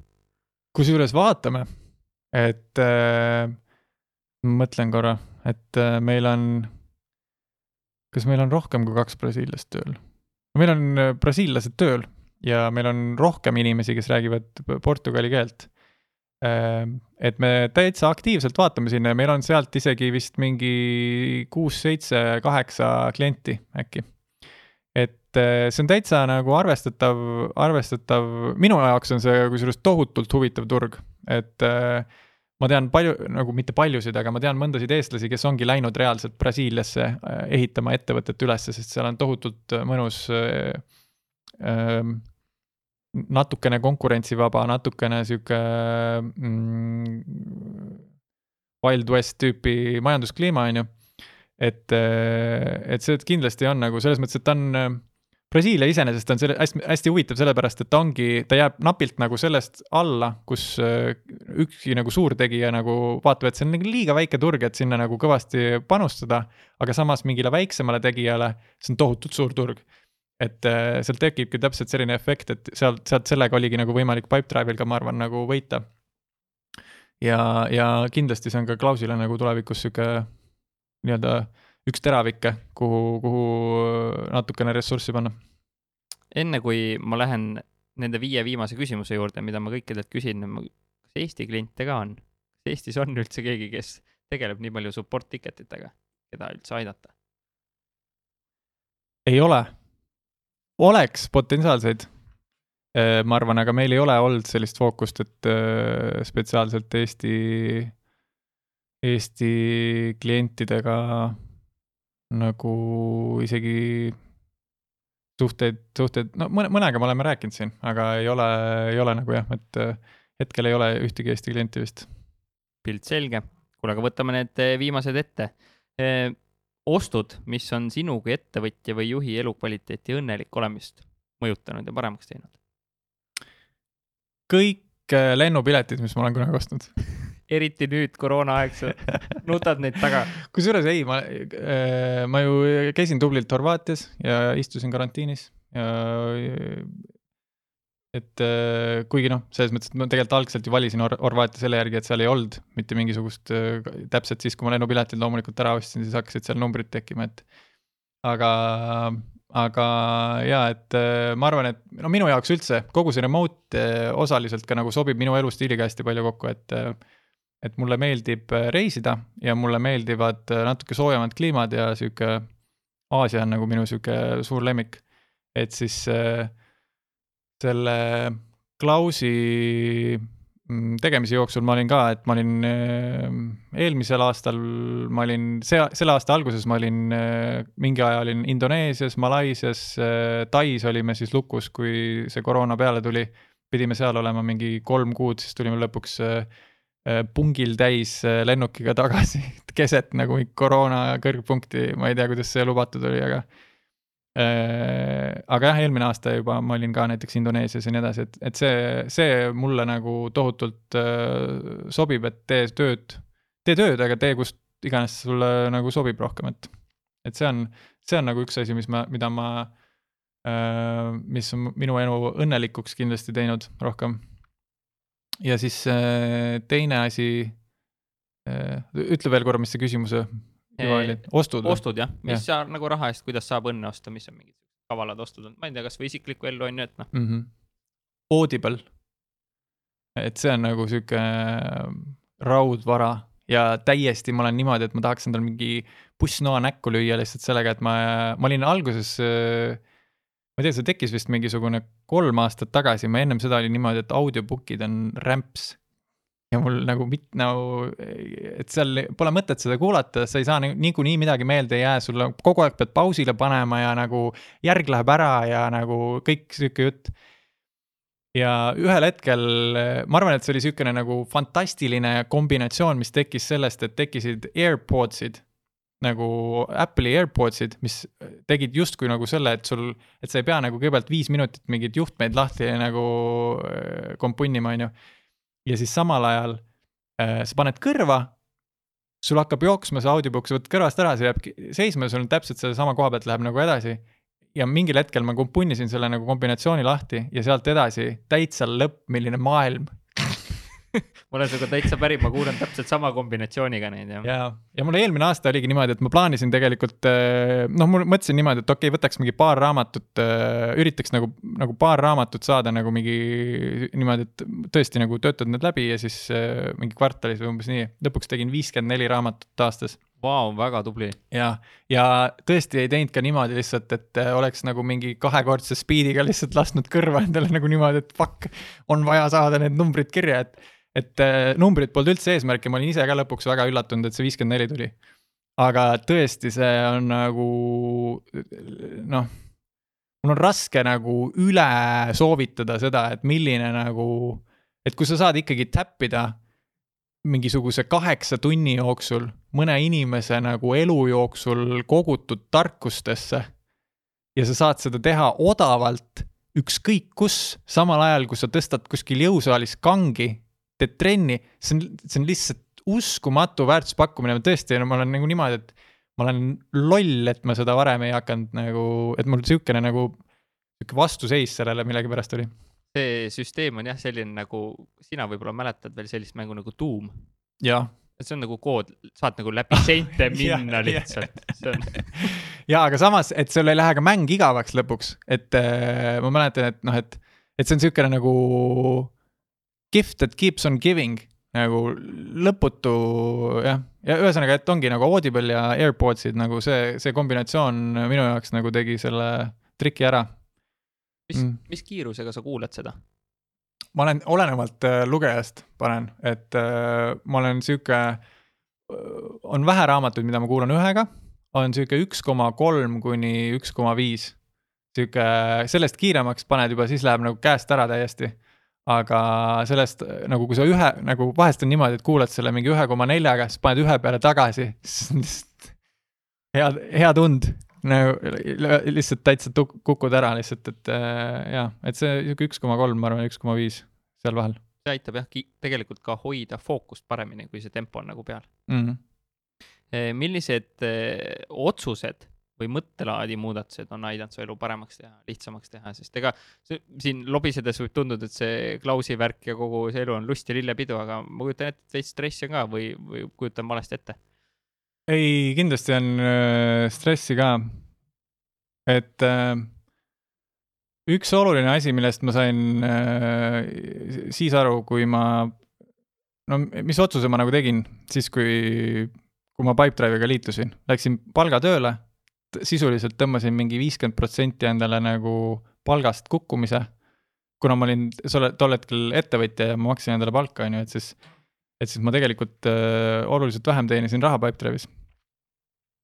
aga ma sain aru nagu sellest, et, äh, et kui sa töötad oma ala tippudega kui sa ümbritsed ennast oma ala tippudega, siis see lihtsalt äh, tõmbab sind kaasa nagu, see, see arengu mõttes sul ei ole nagu valikut, et sa nagu lihtsalt, sa, sa tõused koos nagu selle grupiga.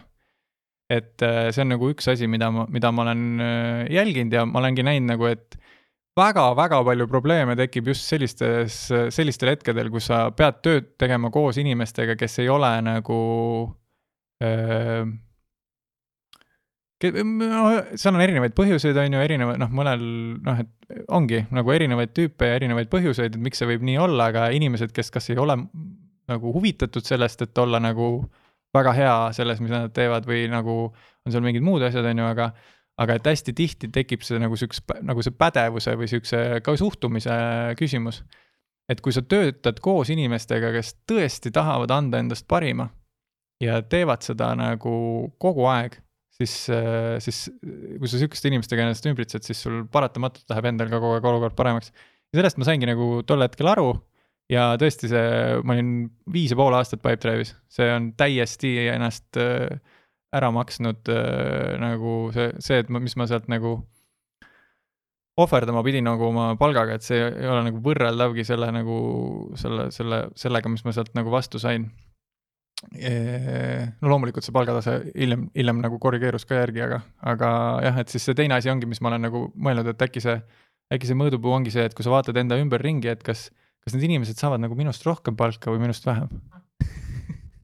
Kui nad, kui nad saavad sinust vähem palka, siis nagu tõenäoliselt hakkab sul endal see learning curve ära kaduma ja sa hakkad nagu stagneeruma, et tasub ennast ümbritseda inimestega, ise, isegi kui sa oled ettevõtte juht, tasub ennast ümbritseda inimestega, kelle, kes saavad tegelikult sinust rohkem palka, et siis sa nagu tead, et sa teed inimestega koostööd, kes on nagu äh, nagu, nagu tõesti oma, oma õigel tasemel, on ju.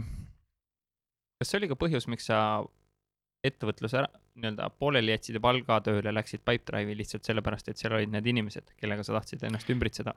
Ei, nagu osaliselt noh, see oli niimoodi, et, et me Raunoga koos alustasime, alustasime Vurri ja ehitasime selle nagu päris hea, hea tasemeni ülesse. et lihtsalt see kogu Eesti reklaamimaailm on natukene sihuke, mis on minu jaoks osaliselt allergiat tekitav et see, seal on äh, sihukest, äh, mitte, mitte et meil Vurri, Vurris oli, ma arvan, nagu super, et äh, seal jälle, kui sa saad ikkagi ehitada ise midagi, siis, siis see on nagu ja noh, Rauno, ma ei tea tõesti nagu, kes iganes soovib Raunoga mingit äri alustada, ma annan sada protsenti nagu, see on nagu lihtsalt megakogemus, et, et väga vähe inimesi on, kellega ma olen sihukest asja nautinud nagu nii kõvasti koos teha, et aga, aga lihtsalt see, ma ütleksin, see valdkond iseenesest ja need inimesed, kellega sa nagu seal kokku puutud, et seal, seal natukene te tekib jah, seda, seda, sedasama efekti, et mitte kõik nendest ei ole nagu nii-öelda oma nii-öelda tööriistakapi kõige teravamad riistad. Ja siis need probleemid ja need teemad, millega sa pead hakkama seal nagu süstemaatiliselt või noh, nagu korduvalt ja korduvalt tegelema, et siis see tundus, et, et on nagu selline õige hetk, et seda oli juba nähtud ka kõvasti, et, et seal see nagu hakkas ära kaduma, see, see learning curve mm. -hmm. raamatu soovitused, võtame valdkondade kaupa kolm turundusraamatut, mida sa soovitad ja mis sulle endale korda läinud on? oo, turundusraamatud äh, no üks asi, üks äh, raamat, mida ma kindlasti soovitan, on äh, What customers want äh,. see räägib sihukesest mudelist nagu jobs to be done. see on hästi oluline see on, see aitab aru saada sellest, et mis on mis on kliendi või üldse tegelikult kellegi motivatsioon üldse midagi teha. ja see, seda nagu rohkem, et see, see raamat on kindlasti, mida ma soovitaksin mm,. Äh, turunduse raamatut konkreetset, mida ma veel soovitaksin? on üks, äh, on üks selline, ma ei tea, kas ma hakkan soovitama raamatut, mida ma ei ole ise lugenud see on suhteliselt libe tee, Kair. aga ma tean, et on olemas selline, selline, no üks sihuke mudel või nagu mitte, noh, ma ei teagi, kuidas selle kohta öeldakse, ongi vist mudel, et mida ma kindlasti soovitan nagu Äh, jälle noh, et võib noh, võib öelda see nagu see Cialdini see, see, äh, mis on see persuasion, jah. ma, ma kinnitan, olen kuulanud väga palju vau-momente. jah, et natukene sarnane, sarnast laadi äh, nagu mudel, mis räägib nagu sellisest motivatsioonist ja nii edasi, et et äh, on selline asi olemas nagu BJ Fogg. see on üks, kui ma ei eksi, siis Stanfordi üks professor, kes äh, kes eh, hakkas eh, tegelema juba väga kaua aega tagasi, juba mitukümmend aastat tagasi sellega, et eh, miks inimesed käituvad interaktiivses keskkonnas nii, nagu nad käituvad, mis tegelikult üldse nagu puudutab seda, et miks inimesed käituvad nii, nagu nad käituvad. ja ta räägib seal motivatsioonist, seal on nagu sihuke, tal on täiesti sihuke mudel ehitatud, kus on ühel, ühel nagu sellel teljel on motivatsioon, teisel teljel on see nii-öelda võimekus. ja siis seal vahepeal on sihuke, nagu siuksed, sa saad joonistada siuksed trigger'id sinna eriti mõnus on seda verbaalselt seletada aga jah, et ühesõnaga, et see BJ Fogg. Tiny Habits oli tal. Tiny Habits on tal ka okay,. ja tema, tema on ja, ja, ja, ja Tiny Habits on tema teine teema, mida ta, mida ta ajab. see behavioral model on see, millest mina räägin, see see räägib nagu sellest, et miks, miks keegi teeb seda, mida sa nagu palud tal teha või miks ta selle tegemata jätab, et see on nagu, see on üks kõige kasulikumaid äh, nii-öelda mental modeleid või siukseid nagu mõtte, mõttemudeleid, mis ma olen üldse oma elu jooksul, ma arvan, õppinud kuskilt. aga jah, raamatud veel, et äh, no ma ei tea, noh, ma ei taha öelda see traction, noh, et kes iganes seda podcast'i siin kuulab, kes hakkab alles tegelema turundusega või kes on ettevõtja, ettevõtte juht, kes äh, nagu tegeleb näiteks mingi pilvepõhise tarkvaraga ja ei tea turundusest eriti midagi, siis traction on sihuke raamat, mida ma soovitaksin, see võtab põhimõtteliselt kõik variandid kokku, mida sa saaksid turunduses üldse teha nagu. aga noh, mulle endale see ei olnud tegelikult väga huvitav lugeda, sellepärast et äh, seal on nagu paljud asjad olid äh, noh, olidki nagu nii-öelda, see on sihuke nagu ülevaatlik raamat. see ei ole see Gino Wickmani oma, mis räägib vist ettevõtlussüsteemist on ju? ei. Need traction mm. -hmm. Ei, äh, ja siis äh, ma ei teagi, ma, ma arvan, sihuke jah, turundusraamat, ma ei teagi, ma olen kuidagi väga isekalt hoidnud turundusest äh, eemale, olles ise turundusega tegelev inimene. ettevõtlusraamatud. Ettevõtlusraamatuid on igasuguseid, et äh, ma arvan, et üks parimaid on, on äh,. Äh, Nonii, selle peab nüüd välja lõikama sa pead siit lõikama, selle pool tundi sa pead välja lõikama, mis ma siin äh, mõtlesin äh,. Peter Thiel'i see, kuidas mul selle nimi on meelest ära läinud äh,? no kurat, ei tule meelde ma pean, pean hakkama guugeldama siin seda. poolest tunnist sai lihtsalt nelikümmend viis minutit, ma märgin lihtsalt ajaloo huvides siia. Mul on pandud see hästi, hästi pikk äh, password ka, et ma ei saaks. Zero to one, täpselt, tuli juba kuskilt äh, kardina tagant. Zero to one, see on äh,, ei, ma olen seda lugenud küll ei, see on tõesti, mida ma soovitaksin eriti alustavale, kes võib-olla isegi ei ole veel alustanud oma ettevõtte, ettevõt-, ettevõttega või oma ideega, et äh, seal on üks hästi powerful või võimas sihuke mõte, mis ta paneb äh, kohe alguses seal sulle pähe, on see, et mida tead sina, mida keegi teine ei tea. ja head mõt-, head siuksed maailma muutvad äh, ideed tekivad nagu sellest, et kui sa suudad välja mõelda midagi noh, kas su kogemusest tulenevalt või mis iganes, mis valdkondadega sa tegeled, on ju. Või oled lihtsalt sattunud kuidagi mingisugusest geograafiliselt või nagu oled lihtsalt sattunud mingisugusesse õigesse teadmisesse, et kui sa tead midagi, mida teised ei tea, siis seda on alati võimalik rahaks keerata.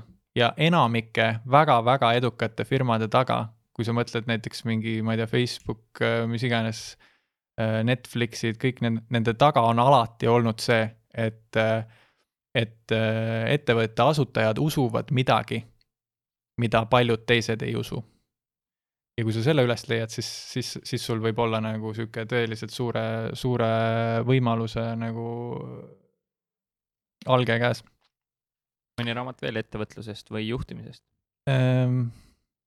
juhtimisest ise mm ettevõtlusega seotud, äh, noh, ma olen palju lugenud igasuguseid biograafiaid, et äh, need on nagu alati head olnud. Äh, ma ei tea, kas ma nüüd otseselt nagu mingit neist soovitaks, et, et, et aga noh, ma kindlasti näiteks Shoe Dog, see Nike'i asutaja lugu, Amazoni Jeff Bezose raamat, ma ei mäleta jälle, mis selle nimi oli, aga et äh, need, need raamatud olid nagu hästi mõnusad lugeda ja nagu natukene inspireerivad ka, aga samas teisest küljest nagu noh, et äh, et äh, Jeff Bezos on šaakal, on ju et, et oleneb, mida keegi sealt õppida tahab või noh, et mis, mis, mis sul on nagu olu-, oluline on, et et ma ei tea, kas ma nagu neid päris nagu juhtimise õpikutena või nagu sihukeste raamatutena nagu tooksin välja mm.. tuleb veel mõni raamat? kindlasti, kindlasti, kui ma siit olen ära läinud ja autos istun, siis mul on nii, et äh, kurat, äh, need kümme raamatut äh, jäid mainimata. Et tundub, et see viiskümmend neli raamatut oli päris hea bluff sul selles mõttes ma tahtsin öelda viis koma neli. jah, võib-olla küll yeah. tööriistad ja äpid, mida sa kasutad ja ilma milleta sa elu ette ei kujutaks, lisaks Klausile? tead, ma tahan ikka raamatutest rääkida veel. jah, muidugi räägi, räägi. ma, ma võin soovitada, võib-olla mitte ettevõtluse ja turundusega seotud, aga ma võin soovitada õppimisega seotud äh, raamatut, et äh, mis on minu jaoks hästi oluline olnud, on see, et äh, aru saada, et kuidas paremini nagu tegutseda. Et siis äh, on niisugune raamat nagu Peak et kui keegi on kuulnud seda Malcolm Gladwelli kümme tuhat tundi reeglit, siis äh, Peak on, Peak on kirjutanud selle tüübi poolt, ke-, kellel, kellelt Malcolm Gladwell nagu selle võttis, selle kümme tuhat tundi reegli. kes siis oma raamatus kirjutab, et Gladwell sai sellest täiesti valesti aru tõmbab lihtsalt vett peale sellele, et et oluline on kindlasti teha kümme tuhat tundi mingisugust asja, aga seal on muud asjad on palju olulisemad, et et sa teed seda teadlikult ja et sa teed ja tegelikult, mis on väga võimas jälle teadmine, mis, mis sealt raamatust nagu välja tuli, mis on nagu, ongi teaduslikult tõestatud, on see, et su äh, aju muutub samal ajal, kui sa õpid midagi. ja su aju kohandab ennast vastavalt sellele, mida sa õpid. ja muudab nagu reaalselt oma struktuuri vasta-, nagu selliseks, et sul oleks võimalik rohkem teha seda, mida sa parasjagu õpid tegema, et sealt tuleb see kümne tuhande, kui sa paned, kogu aeg mõtled ka nagu noh, näiteks seda me teame liikluspildist ka, et kui sa kümme, kui keegi on kümme tuhat tundi sõitnud autoga, siis see ei tähenda, et ta on hea autojuht. Et, et noh, me, siukseid näeb piisavalt, kes on nagu kohutavad autojuhid, aga on sõitnud kümme tuhat tundi, on ju et aga kui sa teed seda teadlikult kogu aeg, mõtled sellele, et mis on reeglid, kuidas paremini teha ku,, kuidas keerata nagu, ma ei tea, kuidas ma saaksin mis iganes, et kuidas turvalisemalt, mis iganes, et.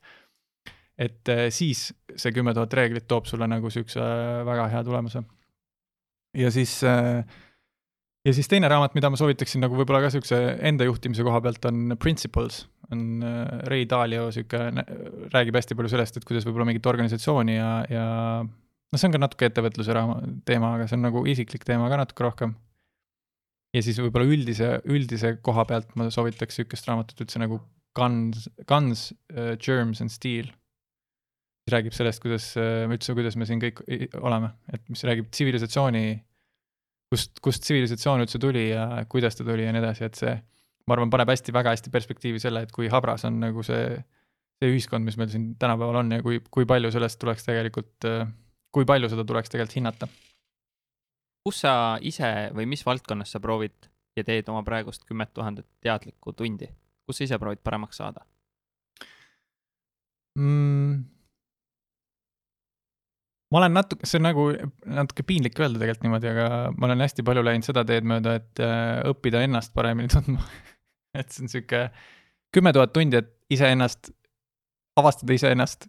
See on, ma arvan, väga õige asi, millega tegeleda absoluutselt. ja et äh, see on, see on juba, ma arvan, et siin on äh, kümme tuhat päris kätte ei hakka jõudma, aga, aga juba on kõva tee tuldud et äh, jah, et see on nagu sihuke minu sihuke inimpsühholoogia ja sihuke nagu arusaamine, et miks, miks ma teen mingeid asju.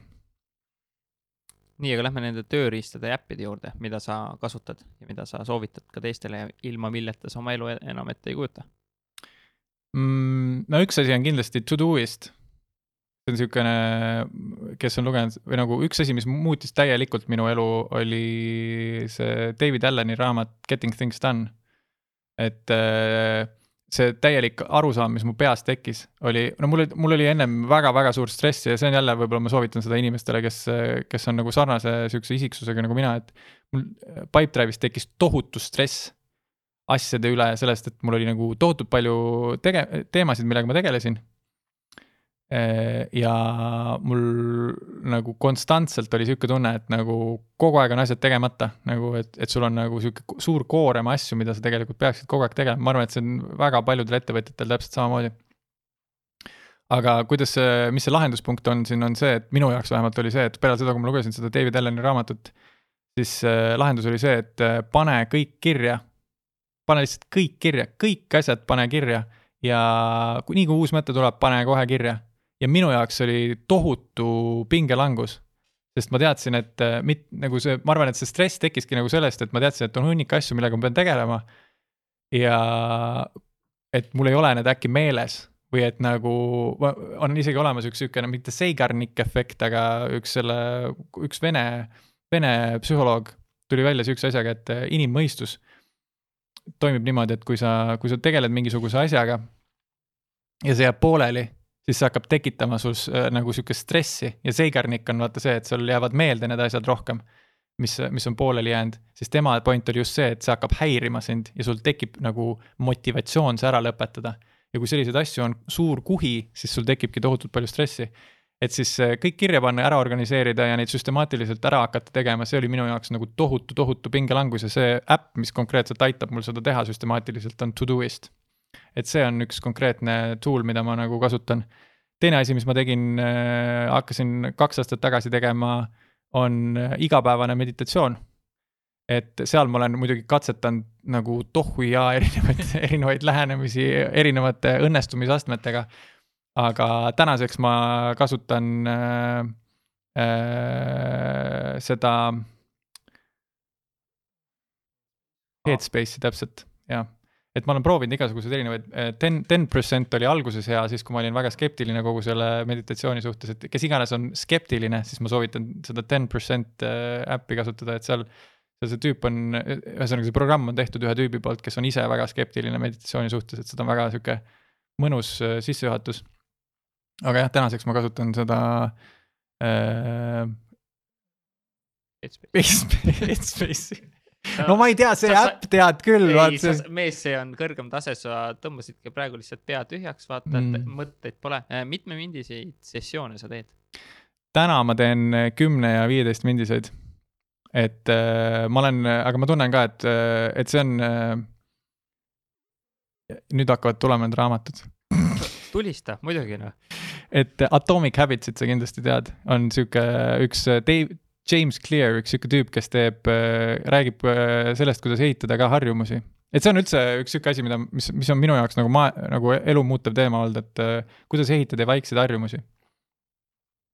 et siis see Tiny Habits samamoodi, vaata see BJ Fogg aga siis see James Clear, kes räägib sellest, et kuidas ehitada endale mingisuguseid uusi harjumusi et siis ma olen seda hästi tugevalt äh, rakendanud ja väga, see on tõesti suurepärane süsteem, et, äh, et äh, et kui sa tunned ühel hetkel, et sa oled sihukeses olukorras, et, et sul asi hakkab lappama, et sa ei suuda enam teha, et sul läheb nagu, ajuline vastuseis läheb nagu nii suureks, et sa ei taha enam seda teha. näiteks meditatsiooniga samamoodi, et ühel hetkel niimoodi, et fuck, ma ei suuda seda pool tundi nagu teha praegu, mul ei ole aega. ja see, ja kui sa ketrab niimoodi, siis see hakkab sulle vastumeelseks muutuma siis see lahendus on see, et sa tõmbad näiteks ühe minuti peale. ja teedki ühe minuti ära ja oledki niimoodi, et korras, tehtud, üks minut tehtud ja sul hakkab vaikselt, kui sa teed ühe minuti, siis sa selgelt tunned, et see on liiga vähe. ja siis sul hakkabki tekkima see, et peaks rohkem tegema. ja siis sul hakkab see vastupidine mootor tööle, et sa oled nagu mitte niimoodi, et fuck, ma pean kolmkümmend minti tegema, vaid et üks minut on liiga vähe, ma tahan veel teha, nagu ma, ma tahaks veel nagu panna juurde siia. ja siis panedki nagu natukese haaval juurde, et äh, mul nagu sarnane asi just natuke aega tagasi oli siin, et siis praegu ma teen jah, siukseid äh, kümne-viieteist mindiseid. Aga jah, et on igasuguseid tehtud nagu pooletunniseid ja, ja pikemaid veel. mõni tööriist või äpp veel arvutis olemas, näiteks aitab sul teha mm.? polegi rohkem äppe. väga puhas. aa, võib-olla see, et ma õpin, see on, see on mu enda nagu mingi teema, et ma olen nüüd teinud, mul on mingisugune, ma teen Duolingot. see on nagu sihuke keeleõpe, see on sihuke noh, lihtsalt aitab millelegi muule nagu keskenduda aeg-ajalt, et siis seal, seal mul on niimoodi, et mul on tekkinud seal juba väga hasart, kuna mul on seal mingi neljasaja kuuekümne päevane streak aa, seda ei taha lõhkuda. siis ma olen niimoodi, et ma pean seda iga päev tegema, aga jah, see Duolingo on nagu sihuke asi, mida ma kasutan nagu igapäevaselt, kas, kas äh, internetis või siis äh, äpina telefonis. mis keelt sa õpid seal? Ma õppisin ennem hispaania keelt, nüüd ma õpin indoneesia keelt. jah, see indoneesia keel on üks väga imelik keel nii, jõuame lifehackide juurde, sa oled ka palju lugenud, palju katsetad endaga trenni häkid, mis sa rakendad? trenni häkid on äh, jälle, ma ütlen, et see James Cleary, see mm, Atomic Habits on hästi palju mõjutanud nagu seda, mis ma teen. Et äh, täna ma teen äh, ainult selliseid asju, kuna ma, mulle meeldib ka reisida, siis ma ei taha teha nagu mingisugust, mingit rutiini luua ja siis nagu täielikult see maha lõhkuda ja ma ei ole ka nagu sihuke tüüp nagu see Tim Ferris, kes võtab mingi perselaua kaasa ja sõidab sellega mööda mingit hotelli koridore ringi, on ju.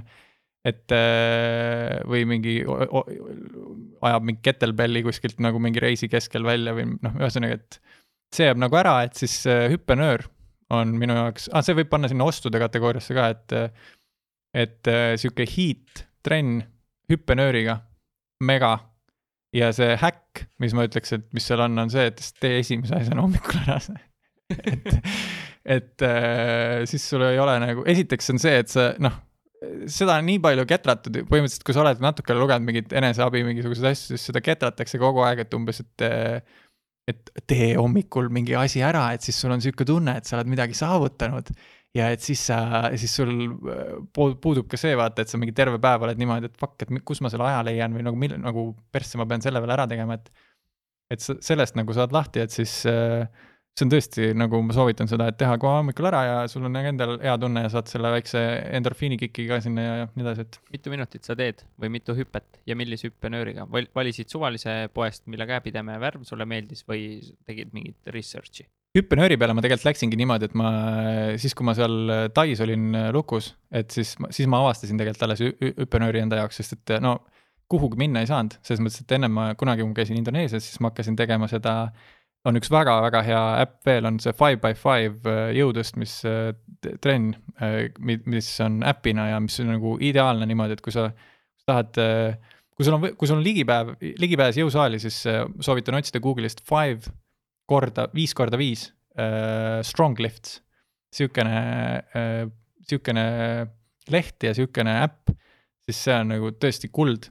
aga kuna noh, koroona ja nii edasi, et midagi võimalik teha ei olnud, on ju et siis äh, lihtsalt see sundis mind nagu saama või nagu võtma seda hüppenööri ja see hüppenöör on tõesti olnud nagu mega teema, et seda saad ükskõik kuhu selle kaasa võtta, alguses ma ostsin mingi täiesti suvalise hüppenööri kuskilt äh, supermarketist, mis äh, oli sitt, aga ajas asja ära. Ja nüüd ma ostsin siukse raskuse, raskusel põhineva nagu siukse äh, raske hüppenööri, mis äh, natukene paneb ka nagu rohkem lihaseid tööle aga ma teen sihukest, äh, ma teen kolmkümmend sekki, kümme sekki puhkust. Äh, tavaliselt mingisugune sihuke kolmkümmend, äh, no kolmkümmend raundi hommikuti. et siis see kestab umbes sihuke mingi kakskümmend viis minti või umbes midagi sihukest. ja tõmbad täiega nagu ikka tempo peale või selline mõnusas? Olemises? no ma ikka hoian jah, seal nagu niimoodi, et äh, no mu eesmärk ongi, kogu selle hiidi mõte ongi nagu natukene see ka, et sa hoiad ennast kogu aeg kuskil seal saja viiekümne, saja kuuekümne peal, et siis see nagu mõjub kõige paremini, et siis et äh, ja noh, hüppenöör on selles mõttes ideaalne, et, et kui sa teed näiteks mingisugust muud asja, et ma tükk aega olin selle, selle fänn, see hommikul on mingi see seven minute workout, sihuke asi on mingi populaarne, et teed seal mingeid erinevaid harjutusi, et siis et seal tekkis hästi tihti see probleem, et mingid harjutused on oluliselt lihtsamad kui teised ja siis sul kukub nagu see pulss kukub vahepeal nagu täitsa ära ja siis tõmbad jälle lakke, aga ainult väga väikseks ajaks, et siis see hüppenöör on selles mõttes tegelikult ideaalne, et ta nagu, sa saad sada protsenti selle nagu pulsi endal sinna, kus ta nagu olema peab. et eh, jaa, see on nagu minu viimase aja üks nagu ja noh, selles mõttes, et hüppenöör ei maksa midagi. no okei okay,, maksab, aga Aliekspressist tellid nendele selle mingisuguse raskushüppenööri, siis see nagu praktiliselt ei maksa midagi. ja, ja saad tõesti teha ükskõik kus nagu praktiliselt seda. toitumine. oo. see on sihuke hea vasta-, vastandlik teema, seal on palju erinevaid lahendusi, aga mis sinu jaoks toimib mm.? no toitumisega, kuna mul on olnud tervisega probleeme, nagu osaliselt selle, selle stressiga, mis ma olen nagu läbi elanud ja osaliselt noh, ongi natuke, natukene teadmata, et aga kuna mul on tervisega probleeme, siis tegelikult ma jälgin sihukest äh, väga konkreetset äh, dieeti nagu FODMAP dieet. ja see on? see on selline dieet, mis äh, väldib nelja suhkrut. jälle ma eestikeelseid nimesid ei tea, aga sisuliselt see välistab või no jah, et ma kõigepealt räägin, mis see on ja siis, ja siis ma räägin, kui palju ma seda tegelikult jälgin et, et äh, see tegelikult välistab nagu igasugused piimatooted äh,, igasugused äh, gluteeni sisaldavad tooted, ehk siis nagu igasugused nisu, saiad äh,, leivad äh,, saiakesed, mingid mis iganes siuksed asjad.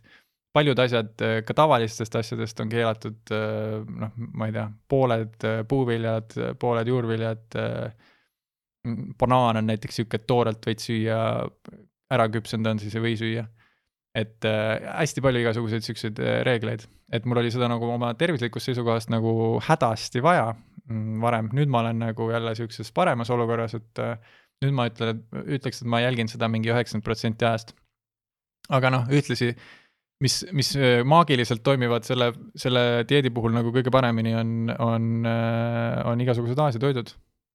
Et äh, riis äh,, igasugused, ma ei tea, mingid riisinuudlid, noh, liha tegelikult võid süüa. mina liha eriti ei söö, ma söön kala ja aga jah, et ütleme niimoodi, kümme protsenti ajast ma söön ikkagi nagu, ma ei tea, mingit Hessi purksi ja noh, mis noh et täiesti nagu mingit suva ka, et piimatooted ma üldiselt üritan vältida nii palju kui võimalik, aga muus osas ma teen vahepeal sohki. Millised eh, puuviljad on okei okay ja millised on no-go? Äh, puuviljad, mis on okei okay,, ongi nagu banaan näiteks äh, toorelt, siis on kiivi, siis on äh, papaia näiteks võid süüa, siis must, mustikad, igasugused maasikad mis on veel nagu, mis on Eestis hästi siuksed, mida, mida võib süüa mida ei või süüa näiteks, on kõik ülejäänud et äh, jah, alates mingi, alates õuntest kuni, kuni jah, mingid viinamarjad. Äh, mangot ei tohigi enam süüa Vietnamis või?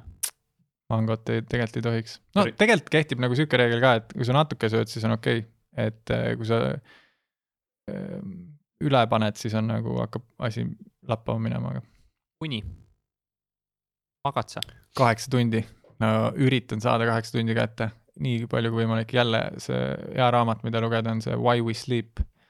peale seda mul oli niimoodi, et äh, see Marissa Mayer, kes on see Yahoo kunagine juht, kes äh, ütles, et ta magab mingi kolm tundi ja kes, kes põhimõtteliselt rohkem magab, see on nagu idioot ja äh, nagu, et ei saa elus edasi, siis peale selle, selle raamatu lugemist sai mulle ikkagi ka nagu väga selgeks, et uni on ilmselt kõige olulisem asi üldse äh,.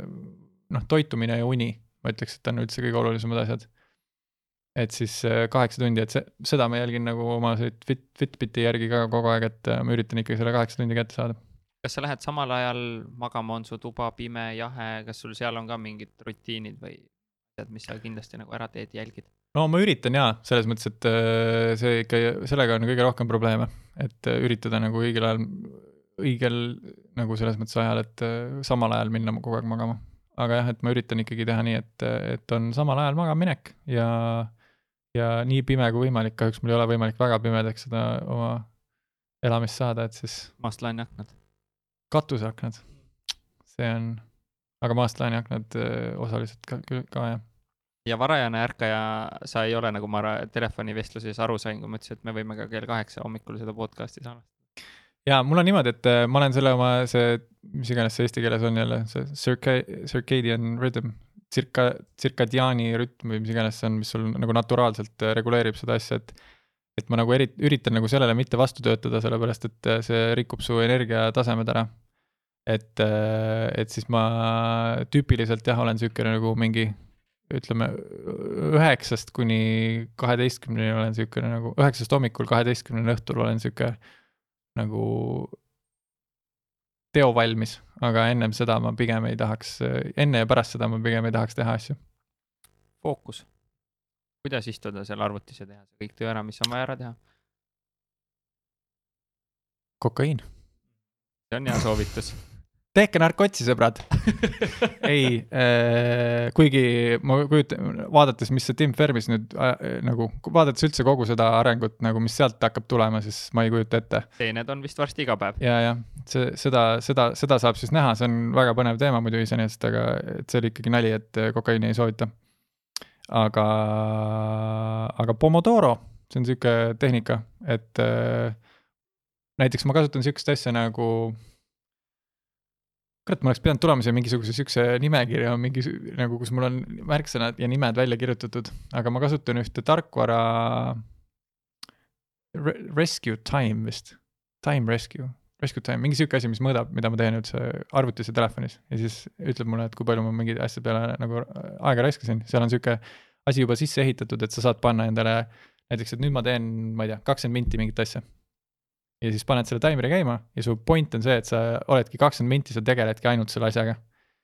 ja tavaliselt sa nagu teed natukene rohkem seda asja, aga see, et sa selle mingisuguse limiidi paned endale, siis see aitab sul tegelikult nagu, kui sa teed selle teadlikult, selle valiku, et ma nüüd kakskümmend minti mitte midagi muud ei tee, ainult seda ühte asja, et siis äh, see iseenesest, see nagu protseduur aitab juba seda fookust hoida. aga muidu jah, ongi väga keeruline, et äh, noh, näiteks mingis startup'is veel eriti, et et kui sa nagu ongi noh, neid teemasid tuleb nagu igast erinevast suunast kogu aeg, et lihtsalt muidu ei suuda, muidu sa tegeledki lihtsalt kogu aeg mingisuguste asjadega, mis nagu visatakse sulle ette, et. produktiivsus. mis produktiivsus kes see startup'is tööd peab tegema, just tõstsime raha ju. võta inimesed tööle, see on, kes päriselt tööd teevad, see on nagu produktiivsuse suurim alus startup'is E, ei äh.... no jälle ma ütlen, et see juba käis läbi, aga minu jaoks on ikkagi see Todoist. see on, et ma usun väga sellesse, et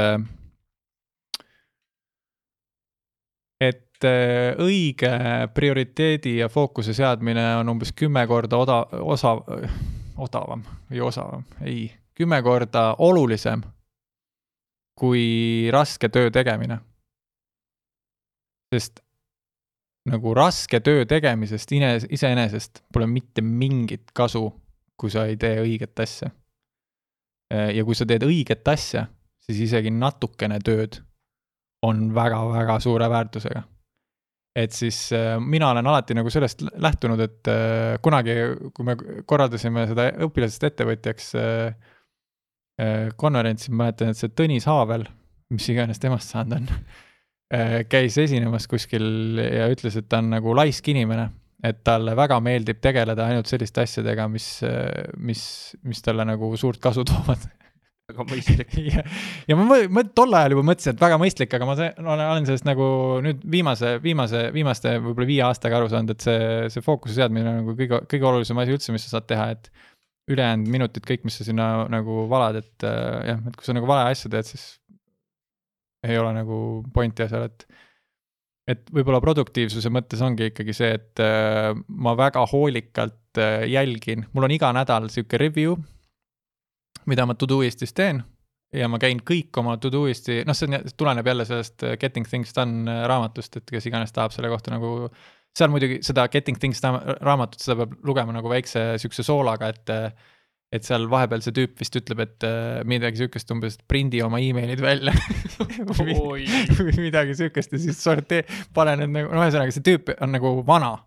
Ja ta ei ole no ütleme nagu väga sellesse internetiajastusse veel sisenenud, aga need mõtted on nagu kõik väga head et, et ma võtsin nagu kogu selle asja, kohaldasin selle endale ja siis nüüd nagu rakendan seda nii-öelda nagu selles Todoisti äpis et ma korra nädalas käin selle kõik läbi, vaatan, kas need asjad, mida ma olen nagu pannud endale, ma panen sinna konkreetsed mingisugused tähtajad, on ju, et mis ma siin järgmise nädala jooksul ära teen ja mis mul on oluline. et ma kogu aeg sealt valin ja sorteerin seda asja ja läbi selle siis nagu saavutan seda, et ma teen nagu õigeid asju. et noh, loomulikult seal nagu, et see ei õnnestu nagu alati sajaprotsendiliselt, on ju, et mis iganes lendab sisse kuskilt, aga vähemalt mul, mul nagu üld, üldises pildis ma tean, et ma teen nagu õigeid asju. kuule, sa oled jaganud nii palju väärt infot, aitäh sulle selle eest.